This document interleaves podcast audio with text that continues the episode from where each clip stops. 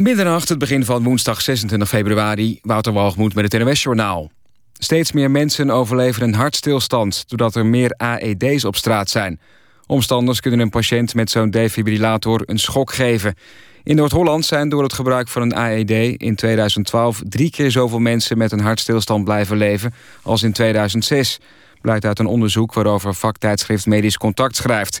Een cardioloog zegt in het tijdschrift dat het aantal overlevenden nog verder omhoog kan...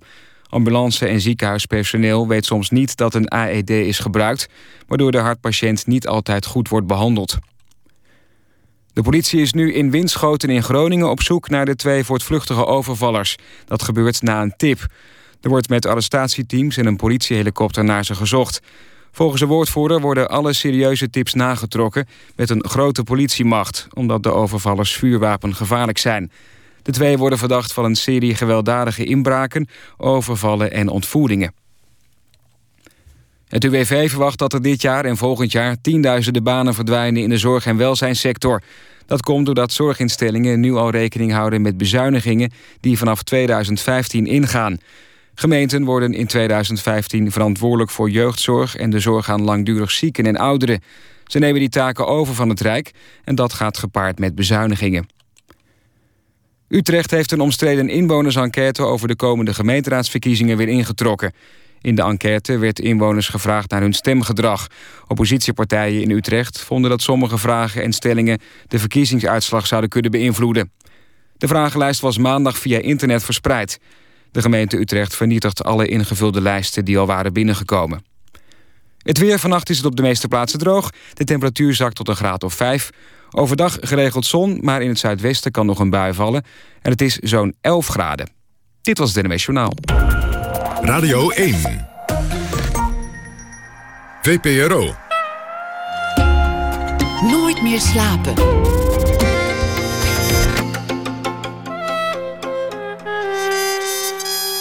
Met Pieter van der Wielen. Goedendag en welkom bij Nooit meer slapen. Nog tot twee uur zijn we hier. Na ene krijgt u een verhaal van Walter van den Berg. Deze week onze huisschrijver. Hij heeft speciaal voor ons iets eh, geschreven. En een gesprek met de stadsdichter van Doel. Een dorpje onder de rook van Antwerpen. Waar houdt de stadsdichter van Doel zich zoal mee bezig? Maar we beginnen met Johannes Sigmond. De artiestennaam van Blauwtsoen. Die naam ontleende hij aan een Deense wielrenner. En met zijn tweede album in 2010 brak hij al door. Maar twee jaar later, in 2012, was het echt raak. De plaat Heavy Flowers Laaiend enthousiaste recensies, optredens, grote festivals, een Edison. En nu is dan de tijd gekomen voor het vierde album. Dat staat uh, binnenkort te verschijnen. Johannes Sigmund werd in 1974 geboren. Zijn ouders waren lid van de Pinkstergemeente. Hij begon al te musiceren op zijn vierde. En na een kort bezoek aan de school voor journalistiek werd hij uiteindelijk definitief muzikant. Hartelijk welkom. Dankjewel, dankjewel. We hebben elkaar één keer eerder gesproken voor de radio in, in 2010. Ja. Uh, in dezelfde studio zaten we toen. toen. Toen had je al een prachtig album gemaakt dat al lovend werd gerecenseerd. Maar wat er daarna is gebeurd is, is eigenlijk, als ik het zeg mag, onvoorstelbaar. Uh, onvoorstelbaar weet ik onvoorstelbaar niet. klinkt alsof, alsof het iets raars is, maar het, gigantisch. Laat, laat ik het nou, het is sinds, uh, sinds Serious Sound Machine, want zo heet het tweede album is het wel heel hard gegaan, zeg maar. Ik heb dat jaar nog op Lowlands gestaan. En toen een clubtour gedaan. En eigenlijk 2011 denk ik, ja, vooral gewerkt aan een nieuwe plaat. En af en toe wat optredens gedaan. Um, en toen kwam Heavy Flowers in, in bij, bijna twee jaar geleden, iets meer dan twee jaar geleden uit. Dat is toen heel hard gegaan, ja. Uitverkochte shows en heel veel aandacht uh, binnen en buitenland. En heel veel gespeeld. Dus, heel veel uh, gespeeld, heel veel lof. Uh, maar ook, ook heel veel mensen die bijzonder, want daar gaat het uiteindelijk om. Los van de verkopen en, en, en de glamour en de glitter. Heel veel mensen die enorm geraakt zijn door jouw muziek. Ja. Ja, meer dan ooit, denk ik. Tenminste, dat ik dat gemerkt heb. Ook in de zalen trouwens. en ook in reacties gewoon, oh, weet je wel, via de mail of via, via social media. Dat mensen die plaat echt uh, echt meevoelen. Alsof, ze, alsof het over hen gaat. Dat is, het is wel bijzonder, ja. Dat is heel bijzonder, omdat het natuurlijk nooit vanzelfsprekend is dat het gaat gebeuren voor een artiest. Je kunt hard werken, je kunt mooie muziek maken, je zult misschien een publiek verwerven, maar dat het echt gaat gebeuren, dat, dat kun je nooit voorspellen. Nee, het is, kijk, ik, ik denk, er wordt me laatste best veel gevraagd, omdat het veel mensen in die zin wel verbaast dat het met mijn type muziek of met het genre. Het is niet per definitie, ja, ik zou het niet als mainstream bestempelen als je het al een stempel wil geven. Maar ja, zodra heel veel mensen het gaan, mooi gaan vinden en het weten te vinden. Uh, en, en daar helpt het natuurlijk wel bij als je af en toe uh, uh, een mooie plaat maakt, natuurlijk, die waar mensen lovend over schrijven. Als, als mensen het niet weten te vinden, kunnen ze het ook niet mooi of lelijk vinden. Dus je moet eerst gevonden worden voordat, voordat mensen daar een mening over kunnen hebben. En, en dat ze niet aan je voorbij gaan, zeg maar. Maar goed, het is in die zin ook weer niet heel snel gegaan. Mijn eerste album kwam in 2008 uit. Er zijn natuurlijk artiesten die meteen bij hun eerste album bam er staan. En, um, en, dan waar... multimiljonair worden aan de drugs raken en dan hoor je er nooit meer wat van. Dat is natuurlijk ook wel eens gebeurd. Dat zou kunnen, ja. In, in, dat, in dit geval is je, je hebt heel lang ook gewerkt en, en bent enorm ervaren geworden natuurlijk. Je, je, je nieuwe album heb je jezelf moeten afschermen om om dat album te kunnen maken? Heb je, heb je zeg maar dat, dat proces moeten behoeden voor je succes? Ik vond dat zelf wel, ja. Ik, en misschien is dat helemaal is dat onzin. Alleen, ik heb heel erg geprobeerd... iedereen die op een gegeven moment erbij betrokken was... bij het studioproces... en dat waren vooral de muzikanten waar ik live ook veel mee speel... maar ook uh, uh, Martijn Groeneveld, die het, die het allemaal gemixt heeft...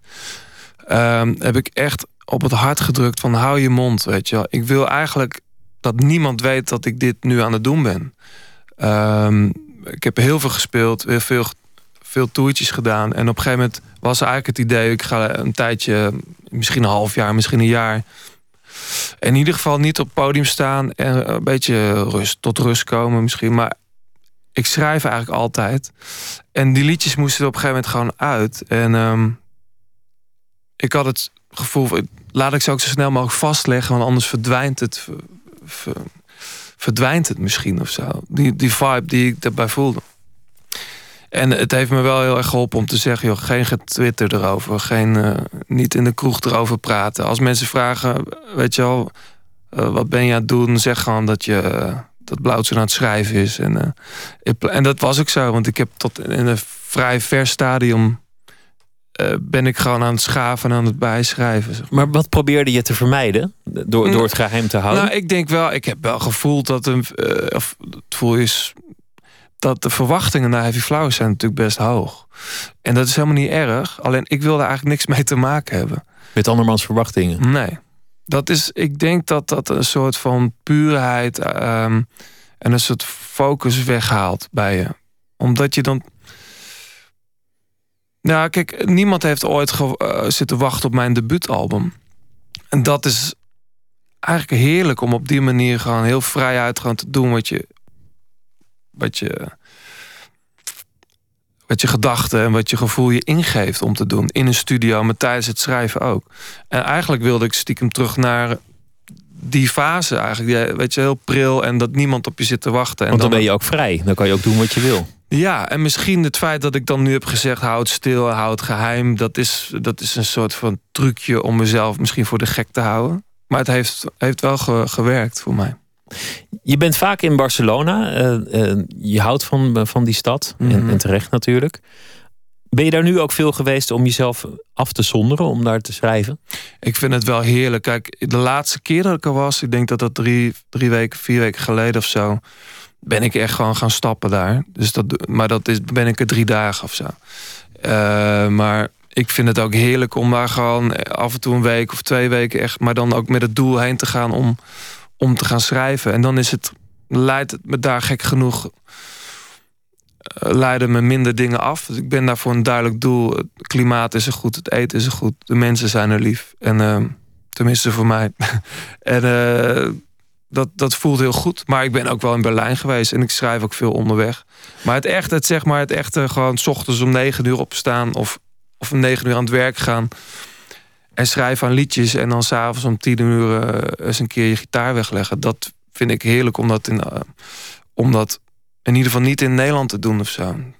Omdat je daar misschien ook iemand anders bent in, in wezen. Omdat je, dat je anders in de omgeving staat met een andere blik kijkt naar de wereld. Omdat je toch er niet geboren bent. Het is niet je geboorteplaats. Misschien.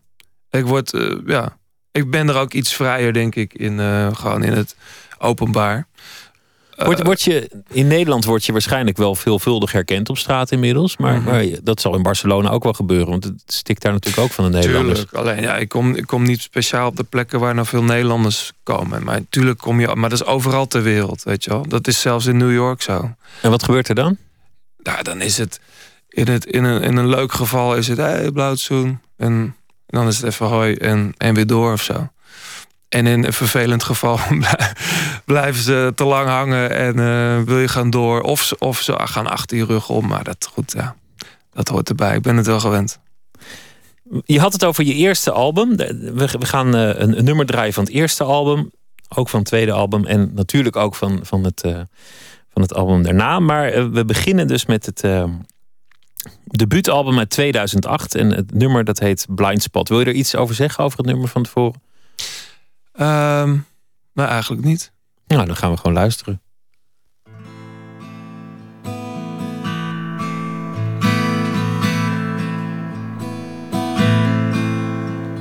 A blind spot as a hiding place. What's the difference here? Objects in the mirror are closer than they appear. A blind spot as a hiding place, afraid to be alone. A blind spot as a hiding place until the killing zone. And we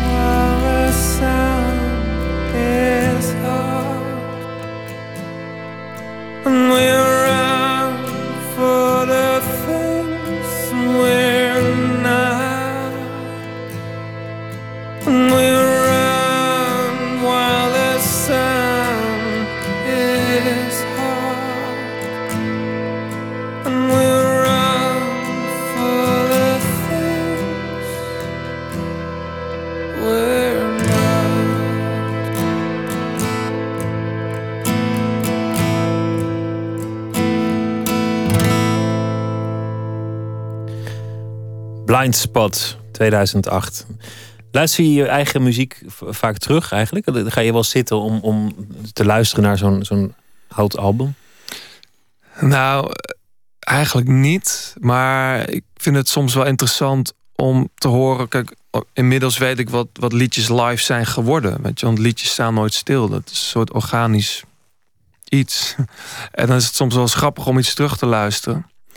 Hoe het ook alweer ooit op plaat terecht is gekomen. Maar echt terugluisteren naar mijn eigen muziek doe ik niet zo graag of zo. Hoewel ik het nieuwe album gek genoeg al heel vaak geluisterd heb. En dat bevalt dan ook meteen. Want heel, heel veel artiesten hebben er moeite mee. Hè? Die horen op een gegeven moment alleen maar uh, ja, een soort onzekerheid. Of misschien waar, waar ze het anders hadden willen hebben. Of, ja. Nou, ik, misschien is het wel dat ik daar juist naar op zoek ben door het heel veel te luisteren. Want ik heb dat bij alle albums wel gehad. Dat als, zodra het klaar was, dat ik dacht... shit, ja, fuck, dat, dat had ik misschien zo moeten doen. Of dat liedje, daar had nog veel meer in gezeten als ik het iets anders had gearrangeerd. Of eh, dat liedje had er misschien helemaal niet opge... had helemaal niet eh, op de plaat gehoeven. En eh, misschien dat ik dat wel zoek nu op het nieuwe album. En dat, ik heb het tot nu toe niet gevonden, dus het bevalt me zeker, ja. Ik zei aan het begin dat je, dat je bent uh, begonnen met musiceren op je, op je vierde al. Ja, dat, dat voor jou klinkt wel heel groot. Op maar, die leeftijd, waar, waar anderen met autootjes spelen of met een bromtol, daar, daar pakte jij muziekinstrumenten. Nou, ik speelde ook wel gewoon met een Lego. Maar dat ging heel snel al over in. Uh, mijn, mijn ouders zijn heel muzikaal. Die hadden ook heel veel instrumenten thuis. En dat. Er stond een piano, er, waren verschillende gitaren, maar ook ukuleles, banjo's. Heel veel instrumenten waar ik nu nog veel gebruik van maak. En dat was geen probleem om daar aan te zitten als kind. Juist, dat werd juist aangemoedigd. Doe maar en ga er maar mee spelen. Het enige wat nooit in huis kwam was een drumstel. Dus dat werden plastic dozen. Waar, waar ik samen met mijn broer op stond te rammen. Heel verstandig om je kinderen geen drumstel te geven trouwens. Ja, vind je? Ja, maakt zo'n herrie zo'n kind nou, Ja, dat is uh, Tegenwoordig zijn er gelukkig betere oplossingen. Maar eh, volgens mij in de tijd uh, waren de elektronische drumkits nog niet zo voorhanden. Of misschien veel te duur, ik heb geen idee. maar wat voor rol speelde muziek bij jullie thuis? Want je zegt, je, je ouders waren uh, muzikaal, je ouders waren ook heel gelovig. Wat, hmm. Wat was dat voor muziek thuis? Nou, voor mij staat staat dat gek genoeg ook best wel heel erg met elkaar in verband. Want de kerk uh, waar zij trouwens nog steeds komen, dat is een Pinkstergemeente. En dan uh, in, in, in veel kerken is er een orgel en that's it. En dan wordt er uh, heel langzaam en saai gezongen. En een Pinkstergemeente die komt veel meer uit de hoek van de, van de evangelische hoek, zeg maar. Ook de zwarte kerk uit Amerika. Dus dat, daar stond gewoon een band. Je had een piano, drums, elektrische gitaren, alles erop en eraan. Dus dat, dat was veel meer een. Um, ja, dat was bijna popmuziek eigenlijk. Wat is dat verder eigenlijk eh, voor iets, die Pinkstergemeente? Wat, wat, hoe zou je dat omschrijven? Hoe zou ik dat omschrijven? Het heeft iets. Uh, het heeft iets sectarisch wel. Hoewel de kerk waar ik dan in ben opgegroeid, die was nog vrij voor die, in die, uh, voor die, voor die, dat soort kerken was het een vrij normale kerk, zeg maar. Maar ja, het, werd, het was heftig. Weet, ja, er wordt voor mensen die doodziek zijn, wordt daarvoor gebeden in de hoop dat ze beter worden. Weet je, een soort Jomanda-achtige toestand. Ja, en voor mij als kind was dat heel normaal om dat te zien, maar. Uh, ja.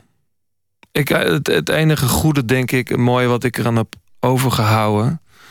Is, is denk ik mijn, mijn muzikale opvoeding daar. Want de kerk was in die zin wel een, hele grote. Uh, dat was één grote muzikale opvoeding voor mij. Daar werd zoveel gezongen. Ik heb daar ook geleerd wat muziek kan betekenen voor je persoonlijk, zeg maar. Even los dat daar natuurlijk de link met het geloof en, en het bovennatuurlijke gemaakt wordt. Eh, en dat heb ik natuurlijk ook nog een tijd wel gedaan. Maar dat als je dat kwijt bent, dan blijft die muziek. En dan leer je dat die muziek zelf al zo krachtig is. Ik vind het wel mooi omdat het, dat het een klassiek thema is dat eigenlijk in de hele geschiedenis van de, van de populaire muziek van de rock and roll terugkeert. Dat het heel veel hele grote artiesten in de kerk hebben leren zingen. Van de Aretha Franklin en mhm. Sam Cooke. Maar dat, dat ook de heidenen heel veel in de muziek hebben gezocht altijd. Dat, dat de muziek ook altijd iets is geweest om je tegen die banden van je, van je jeugd af te zetten. Om vrij te breken. Ja, maar ik, ik heb het. Ja, ik weet niet. Ik heb natuurlijk wel. Ik heb in mij toen ik tiener was veel metal en, en maar ook heel veel hip-hop geluisterd. Ik heb dat nooit echt gebruikt of zo om me, om me af te zetten tegen ik heb muziek als, als zodanig nooit zo gebruikt om me af te zetten. Terwijl, um, tenminste niet bewust, laat ik het zo zeggen. Maar ja, muziek past vaak bij een fase. Dus misschien een, bepaald gevoel van vrijheid of een bepaald uh, gevoel van, van een overgang. Want, want je bent op een gegeven moment opgegroeid. En dan, dan stap je uit een, een vrij sectarisch geloof. Mm Om, om, om naar het grote niets te gaan, om, om heiden te worden. Ja, om heiden te worden, zo heb ik dat niet ervaren. nee, dat, ja, zo heet dat in, in, in sommige kringen. Dan, dan ben je heide. Ja, nee, zeker. Dat, dat, dat zo goed, zien zij dat ook. Maar het is niet om zonder geloof, la, la, zonder geloof niet kinderachtig zeggen. Zonder geloof verder te gaan. Ja, ja. Maar dat is, voor, dat is voor mij wel heel geleidelijk gegaan ook. En paste daar, paste daar muziek bij? Was, was het dat je dan ook andere muziek ging luisteren? Of nee, bleef dat hetzelfde? Nee. Kijk, het is wel zo. Kijk, het was weer niet zo streng dat ik... Laat ik het zo zeggen, ik ben niet opgevoed met, met de Beatles of zo. Dylan wel. En vooral natuurlijk toen, die, toen die in het geloof zat. Toen die uh, reborn Christian was, ja. Ja, maar op een gegeven moment heb je je eigen cassettespeler en je eigen radio. Dus ik heb natuurlijk wel ook gewoon popmuziek meegekregen. Alleen dat was buiten het zicht van mijn ouders, zeg maar. En ik heb Nirvana en de Beatles, zeg maar, min of meer gelijktijdig, of nou gelijktijdig, maar redelijk simultaan, heb ik dat, uh, heb ik dat ontdekt, zeg maar. Maar buiten het zicht van je ouders, want die hadden dan wel iets tegen die popmuziek. Er was wel een soort ja, voorkeur. Ja. ja, want je hebt natuurlijk een hele stroming van eh, Christian Contemporary Music heet dat geloof ik. Volgens mij bestaat het ook nauwelijks meer. Maar dat komt heel erg vanuit, vanuit Nashville en vanuit L.A. Eh, en dat was gewoon gekopieerde popmuziek. Alleen dan met een andere tekst. En dan zat af en toe... had jij daar ook wel gewoon... Uh, voor zover ik dat kon zien... dat, dat je zag, nou, er zitten ook wel echt authentieke kunstenaars tussen... die iets doen wat in de rest van de wereld ook niet gebeurt. Larry Norman of zo. Wat trouwens weer een goede vriend van Bob Dylan was. Um, maar Beatles, weet je wel, dat, dat werd gemaakt met drugs. Dus dat was uh, verboden. Maar ik heb daar denk ik, ja, ik weet niet of ik daar zo onder geleden heb. Het enige wat ik herinner, ik heb wel eens, er is wel eens gebeurd dat er een cassettebandje met, met, met snoeiharde metal werd ingenomen. Alleen, het grappige is dat dat, dat was dan ook nog eens christelijke metal. Maar ze vonden, ze vonden het gewoon herrie. Ze dachten, dat was we, van de duivel. pakken dat bandje dat was van de duivel. Dat Was werd ook wel zo letterlijk wel gezegd, ja. Eh, Als je het in muzikale termen eh, beschouwt, want die, die christelijke platen van Dylan, het is in sommige kringen, is, is, is dat dan weer vloeken, die vind ik eigenlijk heel erg gaaf. Om- Omdat Vind jij ze gaaf? Ja, Ja, ik vind ze ja. gaaf. Omdat het, dat het een soort hymnes zijn en dat, dat, hij, dat hij er zo enorm in gelooft. Dat- eigenlijk heeft het gewoon wel Ja, iets. er vind ik. zijn- zijn ook best wel hele mooie liedjes uit voortgekomen. Maar Het is niet zijn beste fase, maar het, Nee. het, het heeft, het heeft gewoon wel iets. Maar vaak in van, die, van gelovige muziek zit, zit een soort opwekkendheid. Terwijl, terwijl aan die andere kant, Jerry Lee Lewis, die, die dan van, van de duivel was, zeg maar, daar, daar zit vaak iets, iets duisters in. Ja, maar dat, ik denk dat het ermee te maken heeft dat zodra mensen een boodschap willen verkondigen en daar muziek voor gaan gebruiken, dan eh, poets je ook heel veel eerlijkheid weg. En want eh, dat is bij Johnny Cash ook gebeurd. Die ging op een gegeven moment zelfs voor, voor, voor Billy Graham, zeg maar, de grote dominee. Die deed daar de opening voor, zeg maar. En dat, was, dat is een vreselijke fase, zeg maar, en muzikaal en artistiek gezien. eh, in de periode van, ja, in het, in het artistieke carrière van Johnny Cash. Dan wordt het een soort propaganda. Dan lever je je uit. Ja, het wordt propaganda, dus dan is muziek een- is geen doel meer, maar puur een vehikel van ideeën. Ja, en, en dat, ja, dat is. Ik, dat is lelijk. Ik vind dat vaak lelijk. En het kan per toeval, per toeval misschien nog iets moois opleveren. Maar ik, ik, ik haak dan heel snel af. Ik, ik, misschien ben ik er ook daar in die zin wel mee verpest, zeg maar. Dat ik daar een beetje allergisch voor ben. Jouw muziek is, is bepaald niet de, de gospel, omdat dat zeker je, je, je vorige albums, dat vaak toch ook een soort duisternis in zit. Vaak niet, niet de, de, lichte kant van het leven is waar, waar Mhm. je muziek over gaat. Maar klopt. Maar dat is niet een keuze. Dat is Dat is gewoon hoe je het voelt en, en als hoe je het, tegen me aanschopt, komt dat er gewoon uit. En eh, dus als ik zelf liedjes schrijf, ben ik. Het is bijna. Het is niet een soort verstandelijk proces. Ik, het is heel intuïtief en heel. Het gaat bijna in één flow achter een piano kruipen of een gitaar pakken of een ander instrument en gaan zingen. Dan ontstaat er gewoon iets. En da- daar zit vaak. Daar zit vaak ook iets sombers in. Veel, veel liedjes, althans op je, op je vorige album, gingen over vergankelijkheid in, Mhm. in, in alle verschijningsvormen. Zeker op Heavy Flowers, ja. Ja. Ja, ja klopt. Dus, eh, ik, Ja. ik- ja, eh, wat moet ik daarvan zeggen? Het is, ehm, het is, eh, het is heel fascinerend hoe, hoe ehm, maar ook misschien wel een beetje beangstigend dat dingen ineens kunnen stoppen. Alleen het is wel weer hoopvol. Dat is zeker in de natuur in ieder geval. Ehm, en dit jaar heel vroeg. eh, dat, de, dat de lente weer is. Dat er weer bloem, nieuwe bloemen staan. Dat, alleen ja, hoe dat zit met een mens. eh, dat weet ik eigenlijk niet. Nou, de, de eindigheid. Want Ja. Want ja, in, in het grote plaatje der natuur, eh, de, de maden eten ervan. Het schijnt trouwens ook niet helemaal zo te zijn. Maar goed, Nee. dat, er, er komt wel weer wat uit, uit zo'n lichaam. Maar voor, voor degene zelf, als je, als je niet in een, in een god gelooft, dan houdt het op. Ja. Ja. Nou, eh, ik, ik, ja. ik, ik ben, ik ben, ehm, ik ben vader van twee, eh, van twee kinderen. Ergens zie ik in hun wel een soort eeuwig leven. Eh, dat kan ook stoppen als zij geen kinderen meer krijgen. Dat is eigenlijk hoe, hoe het in de natuur werkt. Dat je, Ja. je hebt je, je genen doorgegeven en het is dan verder aan de volgende generatie. Precies. Maar, maar je bent opgegroeid in een, in een gemeente waar, waarin er een hiernamaals was. Ja. Niet voor iedereen, maar Ja. ik, ik vind dat fascinerend als iemand daarin opgroeit en, en het dan later niet meer heeft. Dat je dan moet leren om het zonder te doen. Terwijl voor ik een. voelde voor mij echt, eh, dat heeft wel even geduurd, omdat het bij mij niet van de een op de andere dag was. Maar het, het voelt voor mij wel als, achter, als een bevrijding bijna. Om te weten dat dit het is. Aan de andere kant ben ik wel zo nieuwsgierig genoeg van om. Wij weten natuurlijk niet echt hoe het is. En waarschijnlijk komen we dat ook nooit te weten.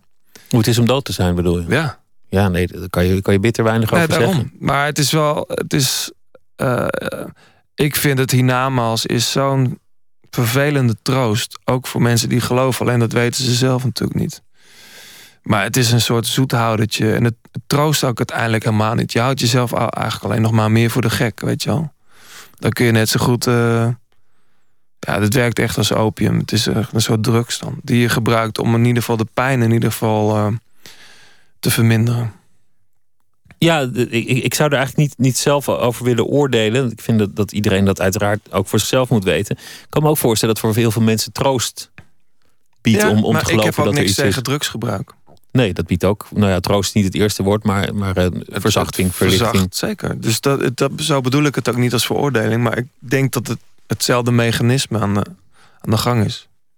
In dat soort situaties. De kerk is de, eh, de opium van het volk. Ja, eigenlijk kom je daar wel toch weer op uit, ja. Laten we een eh, liedje draaien van dat, dat tweede album, eh, Heavy Flowers. Het, het nummer, ehm, Derde album is dat. derde album, ja, Ja. ik sla er gewoon één over. Flame on My Head.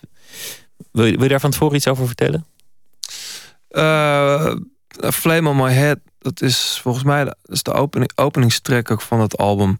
Ik ook heel lang, eh, toen we begonnen met, met die tournee, gespeeld als opening. Alleen kwamen daar zo snel achter. Mensen reageerden zo enthousiast op dat liedje. Dat het een paar liedjes duurde voordat we daar weer tegenop konden. Dus dat liedje is langzaamaan verder in de, in de setlist eh, geraakt, zeg maar. Ehm, en, en de reacties op dat liedje waren de allereerste keer toen het op online kwam zo, zo groot. Dat we wel voelden van er is iets bijzonders aan de hand. We gaan er naar luisteren. On My Head.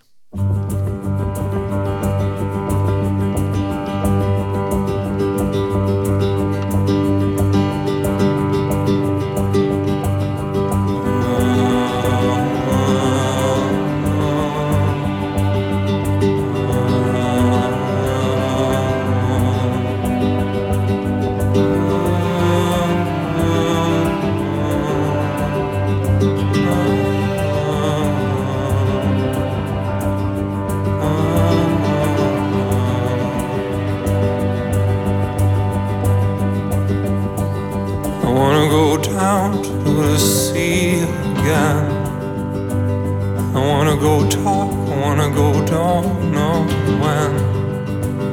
I wanna go even if I'm snowed out. Oh, I wanna go. I wanna go seek your hiding place. I wanna go far, I wanna go down flat face. I wanna grow old and hold your body next to me. I wanna go out, I wanna grow hair, I wanna go now. I wanna go mad and shout it out. I wanna go peace will hold, no war will bring me down.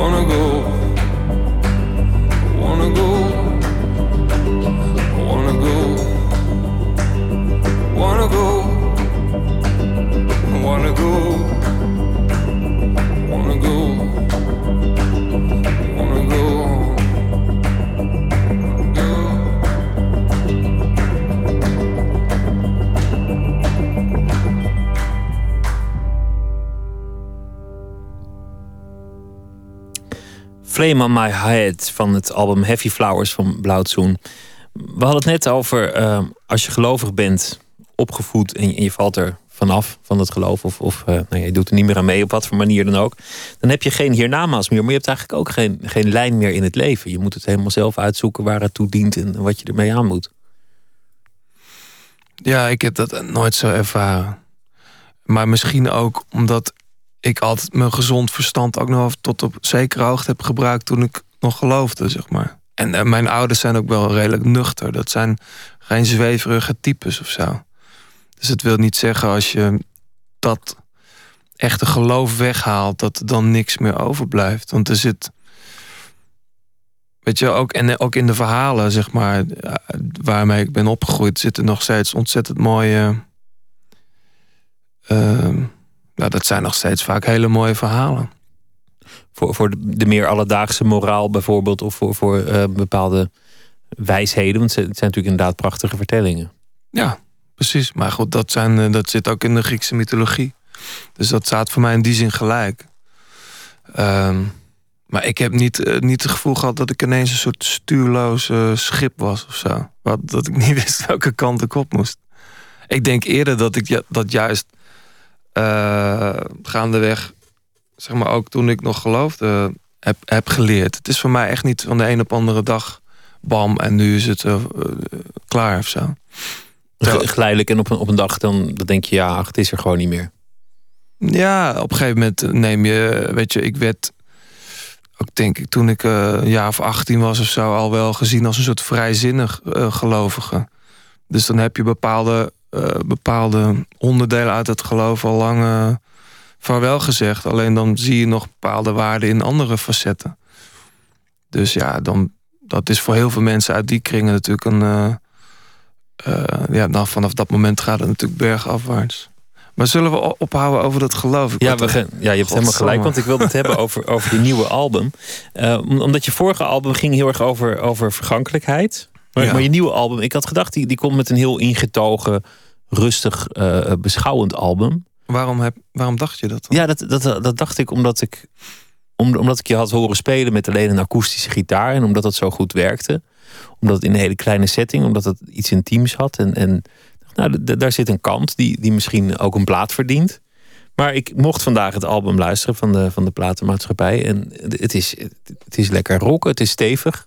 Ja. Het is, het is een strijdbaar album, zou, zou je het zo kunnen noemen?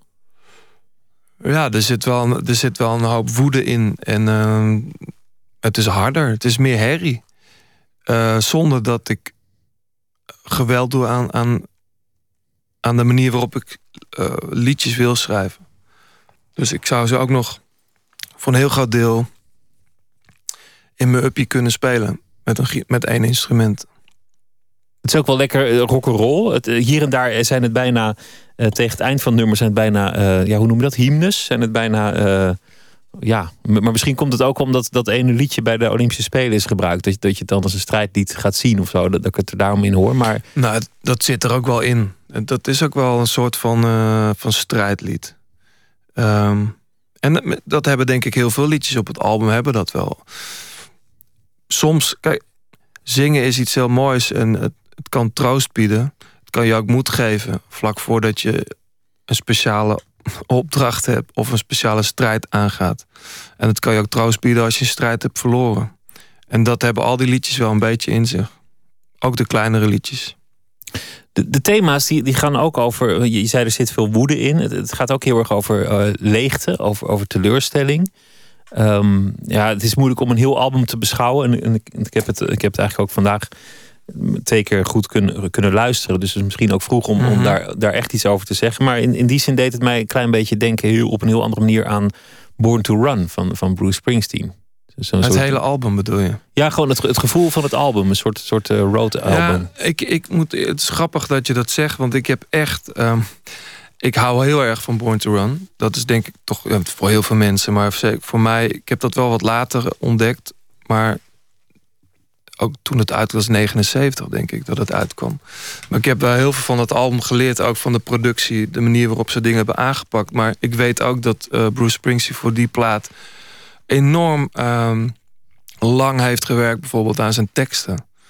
En ik vind, vind het ook echt heel goed geschreven. Heel simpel en heel sober, maar heel raak of zo. En ik heb, ja, daar heb ik wel naar gekeken van hoe, hoe heeft hij dat geflikt. En eh, daar zit ook heel veel uren in. En dat heb ik bij, deze, bij dit album ook wel gedaan. En productioneel gezien, wat zij daar heel veel deden, is heel veel opnemen, heel veel opnemen. En dan later gaan strippen. En eigenlijk tijdens het mixen eh, nog heel veel keuzes maken in, in de arrangementen en zo. En daar heb je wel een soort van discipline voor nodig. Om dan ook echt die keuzes te maken. Maar het is heerlijk om tot, tot in het staartje van je productie nog het gevoel te hebben dat je alles kan omgooien. Dan blijft het namelijk constant een moment van creëren. In plaats van eh, we zetten hier nu, eh, we doen hier deze deur dicht, gaan we naar de volgende kamer, we komen niet meer terug in dat kamertje, zeg maar. En dat, dat, dat, is, dat is heel jammer als dat gebeurt in de studio. En de studio moet een speelplaats zijn. Vooral de eindes van de liedjes zijn, zijn live. eh, kunnen ze doorgaan en, en, en kan, kan het echt heel opzwepend worden. Ja, Terwijl, je op de plaat dat, dat netjes op tijd afrondt. ja, ja dat is waar. Ik heb alleen wel heel erg geprobeerd om ook in de sound en in de rafeligheid iets meer van, het, van wat het live vaak al is op de plaat vast te leggen. En ook in, in een, paar, een paar gevallen de keus gemaakt om, als een nummer klaar is, toch nog eens een keer te herstarten. Dus dat kan ik toch niet laten. Ho- Alhoewel, ik moet er gewoon wel mee oppassen. Dat, soms doe ik het liefst bij elk liedje, maar dat, dat is eh, een beetje overdreven. Die, die woede die op je, op je plaat zit. Er zit ook eh, ja, er zit een soort opwinding in over, over leugens, eh, eh, teleurstelling. Mhm. Waarom houdt dat thema je bezig? Ja, het, het valt mij gewoon heel erg op dat, kijk, de leugen is van alle tijden. En de leugen heeft ook hele mooie kanten. Ik hoorde gisteren Adriaan van Dis nog zeggen... dat ben ik het echt helemaal met hem eens... dat de leugen vaak zoveel meer kan vertellen... over wat waarheid dan zou kunnen zijn... of wat waarheid is, of wat de werkelijkheid is.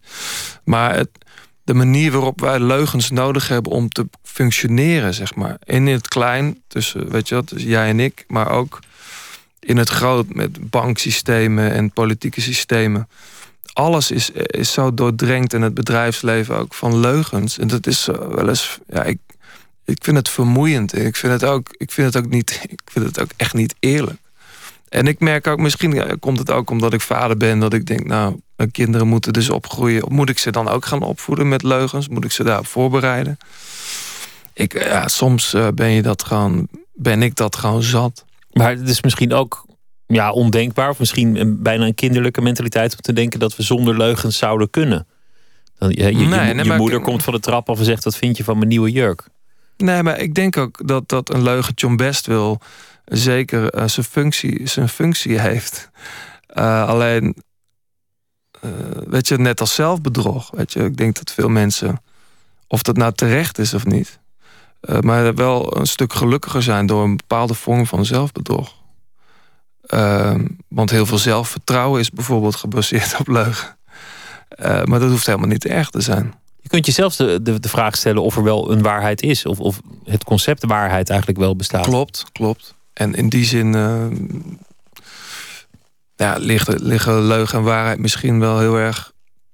niet alleen naast elkaar, maar ook in elkaar. Het, het, album is er nu. Het, het album gaat verschijnen. De, de, het komt een ontzettend druk jaar aan voor jou. Want je gaat uh, toeren. De, mhm. optredens zijn eigenlijk al, al, best wel optredens al uitverkocht. Eh, deze week werden heel veel data al van festivals bekend. Die, de, de vroege festivals zeg maar, van de zomer. daar sta je ook op, op heel wat. Je gaat naar Duitsland, naar Zwitserland, uh, naar eigenlijk nog meer landen in Europa, maar nog niet alles is bekendgemaakt. Klopt, nee, klopt. Er gaat een hele, komt echt een enorme tour aan, ja. Dus ja, dat ik heb daar ontzettend veel zin in. Dus we gaan veel, veel uh, Benelux, uh, Duitsland, inderdaad, Zwitserland, Scandinavië ook. we gaan van alles doen. Je album is ook opgepikt, je vorige album in, in de Verenigde Staten. Mhm. heb, je, heb je plannen om daar naartoe op tour te gaan? Ik zou, ik zou heel graag weer willen. Eigenlijk, ik was uitgenodigd om in afgelopen oktober daar nog een clubtour te doen. Alleen heb ik toch de voorrang gegeven aan het afronden van, de, van het nieuwe album. Omdat als ik geen nieuwe dingen kan maken, word ik ook ongelukkig. Maar betekent wel dat ik voor het nieuwe album nu wel eerst de focus op Europa leg. En dan wellicht in 2015 die kant weer eens op ga om daar wat te spelen. Want ik ben er nu denk ik drie of vier keer geweest. En het, ja, het, is een, het is voor mij niet het walhalla van de popmuziek. Het is niet een soort droom om daar door te breken. Maar als mensen daar mijn muziek mooi vinden en het willen horen, kom ik graag langs. Alleen het is wel ingewikkeld om op beide fronten, en in Europa en in Amerika, tegelijkertijd aan de slag te zijn. Voor, voor veel artiesten is het zo, als je ook maar een beetje ruikt dat er succes in Amerika eventueel in zit, dan, dan ren je erop af. Nou, ik, er waren een hoop kansen en die heb ik ook wel aangepakt.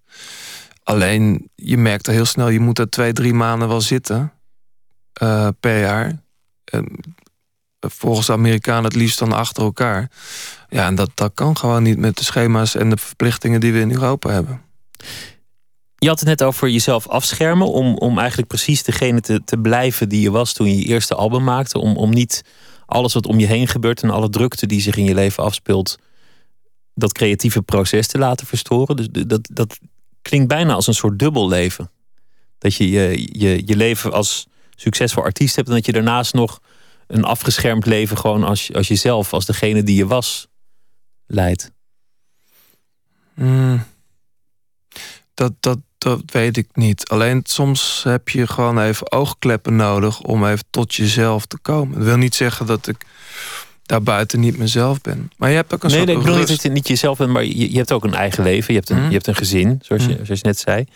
Um, moet je dat steeds meer afschermen? Is, is dat iets wat langzaam gescheiden raakt van, van je leven als artiest? Nou, het is gewoon uh, zoveel drukker geworden en de agenda is zoveel voller. Uh, dat heel veel dingen niet meer vanzelfsprekend zijn. En dat betekent dat je heel goed moet plannen. En dat geldt dus ook voor het schrijven van liedjes. En, en je echt je de tijd gunnen om rust te nemen. En je af en toe te vervelen. Zodat er weer nieuwe dingen kunnen ontstaan. Lukt dat nog om je te vervelen? Dat moet ik bijna, ik, ik moet het bijna inplannen. Weet je, dat, eh, dat, dat kan maar echt alleen als je een lege agenda hebt. Dus dan moet je gewoon op een gegeven moment zeggen... hou nu twee weken de agenda uh, schoon. Twee weken om je, om je te vervelen. Een, een heel druk jaar, dus het is, het is misschien eigenlijk niet het moment... om, om naar verdere plannen te vragen. Maar ik ben er eigenlijk wel benieuwd naar. Omdat ik het idee heb dat er zo ontzettend veel in jou zit... en dat dingen eigenlijk ook vrij snel gaan. Ook creatief gezien. Mm heb je in die zin een idee, bijvoorbeeld zo'n zo'n ingetogen plaat? Of, of bijvoorbeeld iets met film? Want dat is volgens mij ook wel een soort. Ja, nee, ik, ik, heb, ik heb ooit een documentaire gemaakt over een, een grote wielerronde in Italië, de Ronde van Lombardije. Zoiets zou ik echt wel weer een keer willen doen, alleen wanneer. De, de tijd ontbreekt me nu.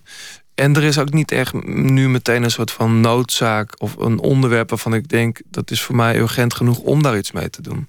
En ik, ik doe wel dingen omdat ik het echt van binnenuit voel om te doen. Dat geldt ook voor het maken van platen. En momenteel moet ik even niet aan denken om echt weer aan een plaat te gaan werken. Een liedje schrijf ik en ideetjes vastleggen. Of het nou in een studio is of onderweg op mijn laptop. Of, uh, dat doe ik altijd wel. En dat is ook een soort van tweede natuur geworden. Om dat altijd vast te leggen en uh, daar uh, af en toe aan bij te schaven. En op een gegeven moment voel je, nou, er is een soort van collectie van ideeën aan het ontstaan. Hier, dit kan een album worden. Zo is het bij mij eigenlijk altijd gegaan. Ja, het wielrennen, dat is over leugens gesproken. Daar hebben we het helemaal nog niet over gehad. Nee. Bent een enorme wielerfanaat. en de, de, afgelopen jaren waren natuurlijk voor elke wielerfanaat... de periode van de zeer, zeer grote teleurstellingen. Nou, dat, dat, ja, dat weet ik niet. Voor mij niet.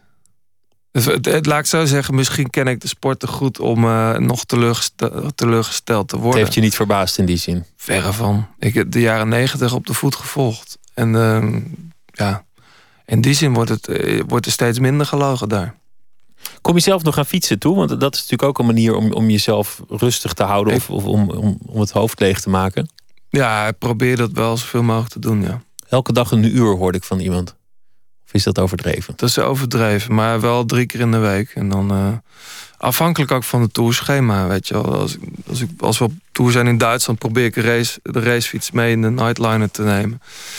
Uh, en ik, ik ben wel gevoelig. Bijvoorbeeld, het is nu eigenlijk prachtig weer om buiten te fietsen deze dagen.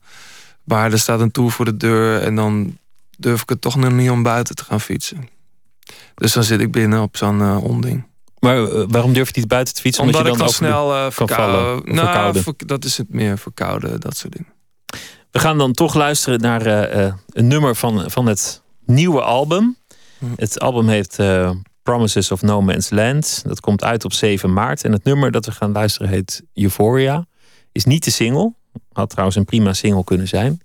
Wil, wil je er nog iets over zeggen? Het is, het, is, het eerste liedje van, van het nieuwe album. We gaan er naar luisteren. Het was leuk dat je te gast wilde zijn, dankjewel. Graag gedaan. En, uh, hier is Blauwtsoen met Euphoria.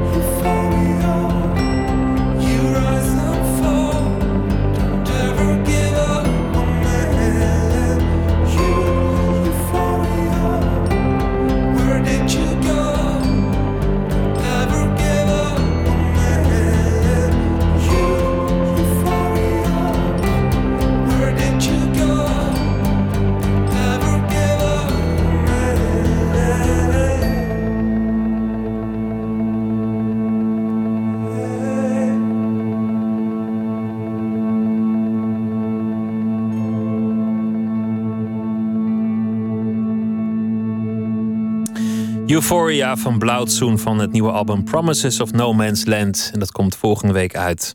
En je kunt hem eh, bekijken op een podium in de buurt vanaf 28 februari op tournee in Groningen, Rotterdam, Nijmegen, Utrecht, Sittard, Helmond, Amsterdam, noem maar op. We sluiten af met uh, stadsdichters. Fotograaf Joost Bataille portretteerde 50 stadsdichters in zijn boek Ik voel me verf, onlangs uitgekomen. Die portretten laten zien dat veel stadsdichters hun vak moeilijk vinden. Onze verslaggever Floris Albers is nieuwsgierig hoe dat komt en zoekt daarom vier stadsdichters op. Vandaag Hilde van Kouteren. Zij solliciteerde als dorpsdichter in Doel. En dat is een piepklein dorpje tegen de haven van Antwerpen aan. Ik heb een aankondiging gezien uh, van de wedstrijd om dorpsdichter voor Doel te worden. Ik denk op de website van het Poëziecentrum of zo. En uh, dat was wel iets wat me meteen aansprak. Ik ben zelf van Oost-Vlaanderen. Dat is een, ik denk een goede 20 kilometer van Doel verwijderd. En ik ken het dorp wel en het verhaal van het dorp dat eigenlijk bijna volledig uh, moet wijken voor, voor de uitbreiding van de Antwerpse haven. En het feit dat een, dat een dorp, dat een gemeenschap van mensen moet wijken voor de economie, dat is iets wat mij eigenlijk wel raakt en wat mij wel aansprak. Dus in die want, zin... want dat is dus een heel klein dorpje tegen Antwerpen aan. En de, de Antwerpse haven groeit zo enorm en die economie gaat voor. En daarom moeten die mensen hun huis verlaten. Klopt. En je kan je eigenlijk afvragen of, of zo'n... Uh, of zo'n beslissing eigenlijk wel nodig was. En dat is ook wel een vraag die ik mij als dorpsdichter een aantal keer gesteld heb in de gedichten. Ja, ja. En wat, um, want u, er was een wedstrijd om, uh, ze zochten daar een dorpsdichter en u heeft daar, daarop ge, gesolliciteerd. U bent het geworden. U heeft die wedstrijd gewonnen. Dus u was toen dorpsdichter. Geen stadsdichter, maar dorpsdichter van dat kleine dorpje. Um, wat was uw missie? Mijn missie was eigenlijk om doel op de kaart te zetten op een andere manier. Uh, niet op de manier van ja, dat dorp dat moet verdwijnen iedere keer en die economie die voorgaat, maar op een meer menselijke manier. En ook toch af en toe eens op een positieve manier. En bij elke gelegenheid die zich voordeed, als er in doel uh, iets nieuw moest sneuvelen of, of er gebeurde iets of er was een feest, was ik iedere keer aanwezig. En uh, na een jaar, toen ik ongeveer een klein jaar dorpsdichter was, heb ik ook het Poëtisch Adoptieproject opgezet. Toen heb ik een aantal uh, bevriende dichters aangesproken om hen te vragen om met een gedicht een bepaalde plek in het dorp Doel poëtisch te adopteren. Als een soort van poëtische bescherming, symbolische bescherming uiteraard, maar toch eens op een positieve manier doel in de pers te brengen. Ja. En, en dat, is dat gelukt? Wel, daar hebben we met een aantal dichters uh, rond gewerkt. We zijn dan ter plekke ook filmpjes gaan maken in Doel. We hebben daar lintjes gehangen op de plek waar we dat, uh, die plek die we geadopteerd hadden, om die plek te merken. En daar is dus een hele website rond gebouwd. Dus dat heeft wel een beetje aandacht gekregen, ja. Ah, ja. ja. En u, um, u heeft een gedicht geschreven, of heel veel gedichten eigenlijk, over Doel. De twee jaar lang dat u dorpsdichter was. Eén daarvan, um, die heb ik gelezen en die, die, die raakte mij wel. En dat was het eerste gedicht, geloof ik, dat u schreef, hè? Ja, uh, dat is een van de twee gedichten waarmee ik uh, eigenlijk de aanstelling tot dorpsdichter heb gekregen. Ja. Uh, zal ik misschien het begin even lezen? Ja, leuk. dat gaat zo. Voor D. Voor hopeloze liefdes en half vergeten dorpen heeft men dichters nodig. Alleen zij lezen lege huizen als witte regels, verlaten straten als onvertelde verhalen en halve muren als een afgebroken zin, omdat men al te ver was en de wind uit een verkeerde hoek kwam. Ja, dan gaat het nog even verder. Ja. Ja.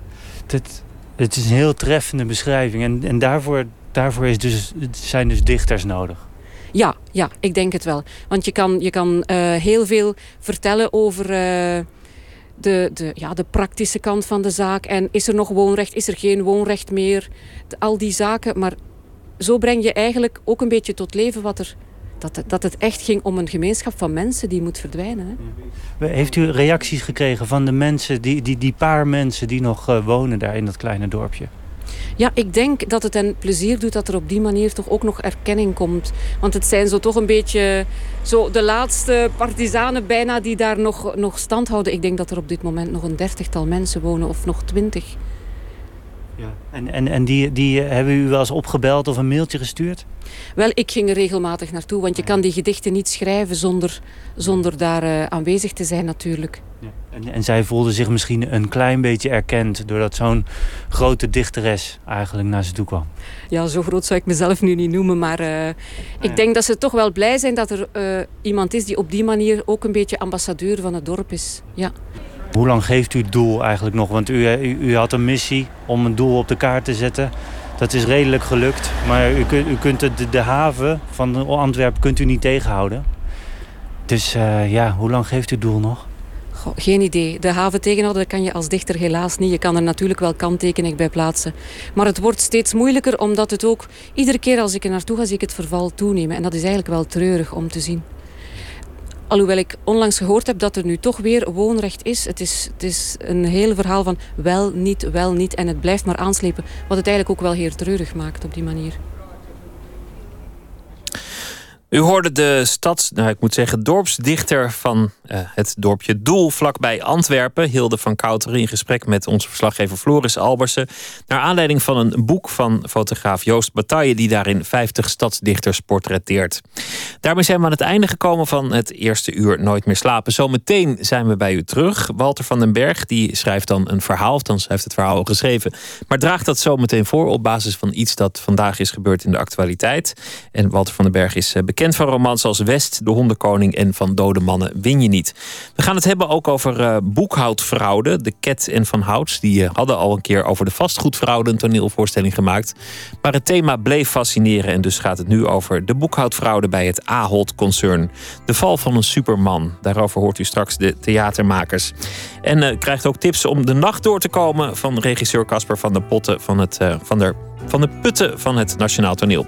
We zitten op Twitter, het VPRO NMS. En u kunt ons ook mailen als u dat wilt. Nooit meer slapen, VPRO.nl. Graag tot zometeen voor het eh, tweede uur van Nooit meer slapen op Radio 1.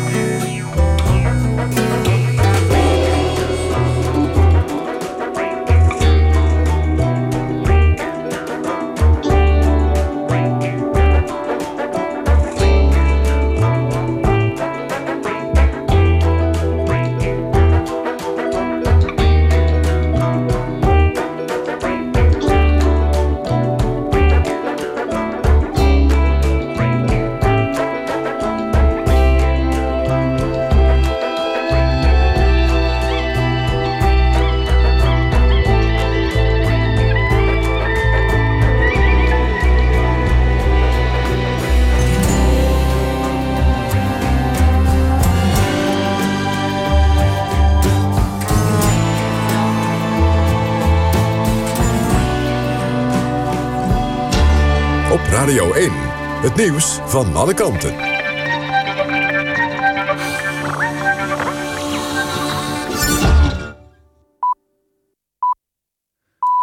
1 uur, Wouter Walgemoed met het NWS-journaal.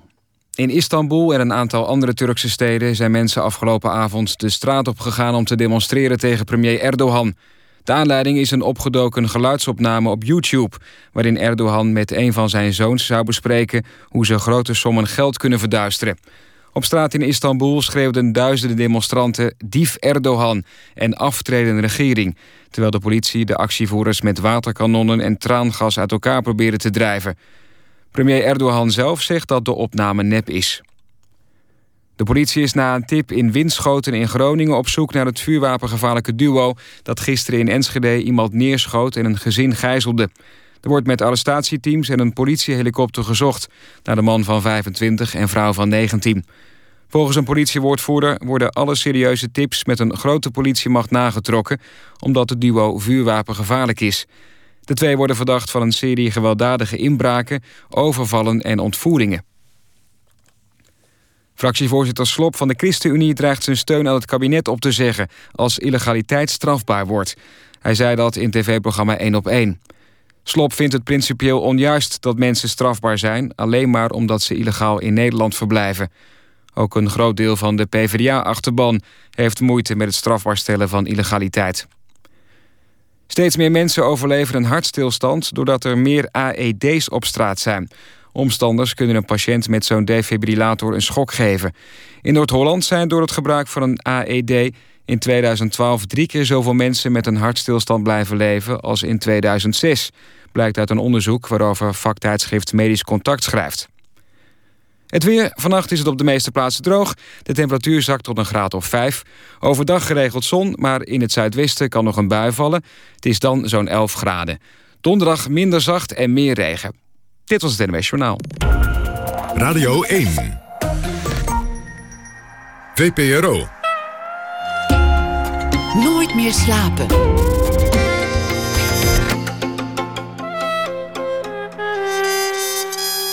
Met Pieter van der Wielen. Welkom terug bij Nooit meer slapen van de VPRO. U kunt ons mede nooit meer slapen uit vpro.nl en twitteren VPRO-NMS.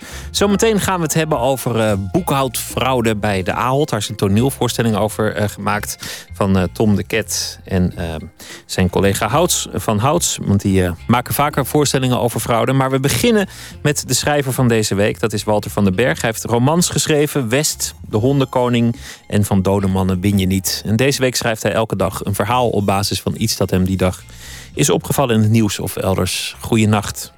Hoi, hallo. Vertel, wat heeft je vandaag uh, geïnspireerd? Ja, ik, de, de, de gebeurtenissen rond uh, onze vriend Antonio en zijn, en zijn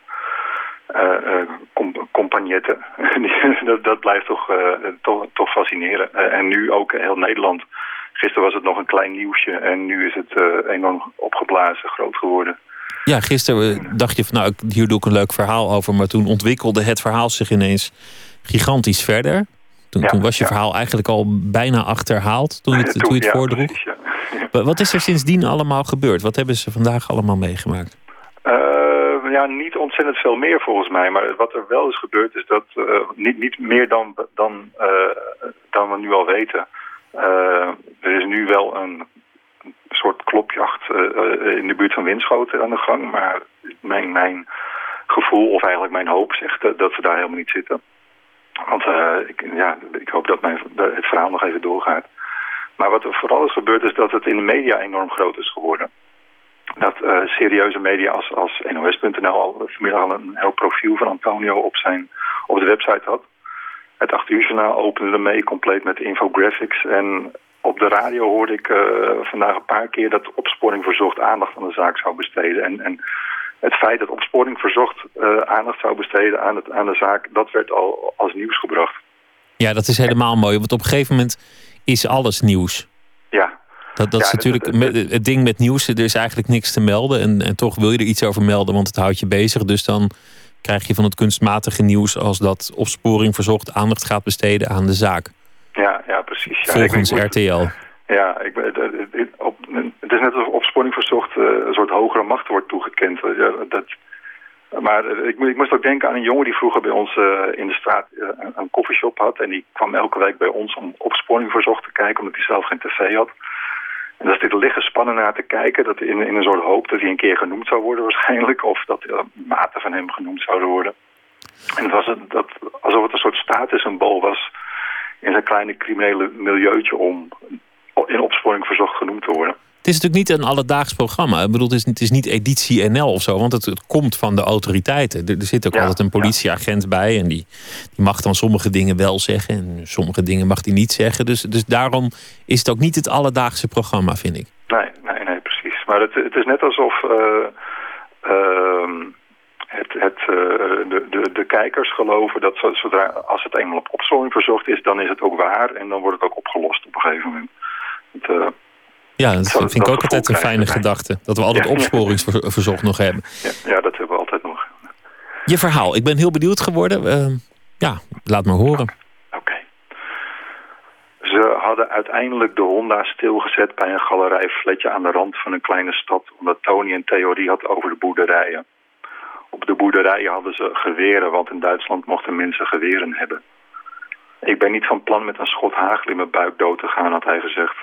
Een politiekogel of honderd politiekogels is goed, had hij gezegd, maar geen schot hagel van een domme boer. Ze waren over de galerijen van het flatje gelopen en ze hadden een paar woningen overgeslagen. Geen oude mensen, want oude mensen hebben geen internet en Tony wilde een plek met internet. Ik wil weten wat ze over ons zeggen, zei hij. Ze hadden aangebeld bij een woning waar één raam door een, door, door een laken werd bedekt en een ander raam door een kast die er aan de andere kant voor was geschoven. Hier woont een man alleen, had Tony gezegd. Hij, had aangebeld en hij had het meisje voor de deur gezet. Zelf was hij plat tegen de muur gaan staan en dat had gewerkt. De man alleen had niet eens zijn best gedaan zich te verzetten. En hij keek erbij alsof hij elke week wel een keer een pipa op zijn buik gedrukt kreeg. Nicht had hij gezegd, don't shoot. En hij was zelf rustig op zijn stoel gaan zitten, zijn handen op zijn knieën. Op de salontafel stond een laptop en Tony pakte hem met één hand. In de andere hand zat het pistool waarmee hij de man alleen onder schot hield. Hij duwde de laptop in de handen van het meisje. Google me, zei hij. Hoeveel hits? 34.000, zei het meisje. 34.000, herhaalde Tony. Ja, dat is natuurlijk ook zo. Dat, dat, dat, dat mensen dan zelf benieuwd zullen worden. Dat lijkt me heel realistisch. Van, van hoe doen we het in de media? Dat je bijna in je, in je achtervolging ergens nog stopt om even tv te kijken. Ja, ja. ja dat is ook het stukje uh, de, de, van vandaag. Dat, is een beetje ingegeven door de enorme aandacht in de media nu. Het, uh, want ik heb, de, ik heb dus zelf even gegoogeld op zijn naam en het, en het waren dus inderdaad 34.000 hits. Dus dat uh, is flink, flink wat aandacht. Ja, maar dat, dat is natuurlijk wel grappig, omdat ijdelheid de, de mens niet vreemd is. Vroeger zeiden ze altijd, een, een misdadiger keert altijd terug op de plek van zijn misdaad. Maar ik denk tegenwoordig dat, je, dat een misdadiger altijd zijn eigen naam typt op Google... om te kijken of die ook betrapt is of op opsporing verzocht is geweest. Ja, ja precies, ja. ja. En misschien net zoals, zoals jouw uh, kennis, dat, dat het een statussymbool is. Dat hij toch denkt van nou, alles is misgegaan, maar we hebben opsporing verzocht. Mm, dat hebben we toch nog wel gehaald. Ja, ja. Ja, zo, zo, zo voelt het wel een beetje inderdaad. Ja. Nou ja, morgen, morgen weer een aflevering van, uh, van de Road Movie. Misschien wel, misschien ook wel niet. Wat denk je trouwens? Heb je, heb je enig idee hoe het gaat aflopen? Uh, het, het, het, zal een klassieke shootout worden, denk ik. Maar het, uh, ik, denk, nou, ik denk dat de wereld daar een beetje op hoopt. Maar uh, ik heb geen idee. Ik, dus, ik denk dat, dat dingen, die, dingen die aangekondigd worden als grote ramp, die gebeuren meestal niet. Grote nee, rampen gebeuren meestal volkomen onverwacht. Dus als er in de krant staat dat iets een hele grote ramp gaat worden, dan hoef je daar vast geen zorgen meer over te maken. Dat, dat is dan weer een soort geruststellende opsporing, verzochtachtige gedachte die ik heb. De preventieve werking die er vanuit gaat. Ja, nou, we zullen het zien van de week. Mooi. Morgen een, een nieuw verhaal. Hartelijk dank voor je verhaal van uh, vandaag. En heel veel succes met uh, alles wat je morgen gaat doen, Walter van den Berg. Okay, dank je wel. Hij was mooi. Uh, ik noem nog even de romans van Walter van den Berg. West, de hondenkoning en van dode mannen win je niet. En morgen dus weer een verhaal van, van hem. Het indie rock trio Foster the People uit Los Angeles werd in 2011 wereldwijd bekend met het nummer Pumped Up Kicks. 14 maart komt het lang verwachte tweede album uit. De titel is Supermodel. Eén nummer mogen we vast draaien: Coming of Age.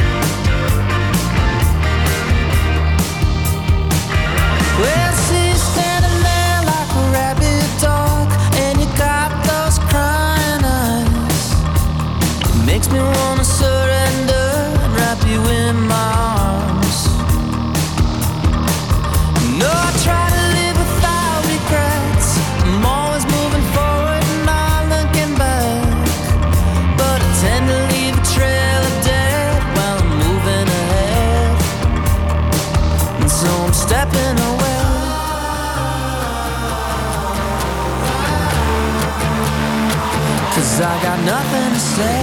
Feels like, feels like it's coming. It feels like, feels like a coming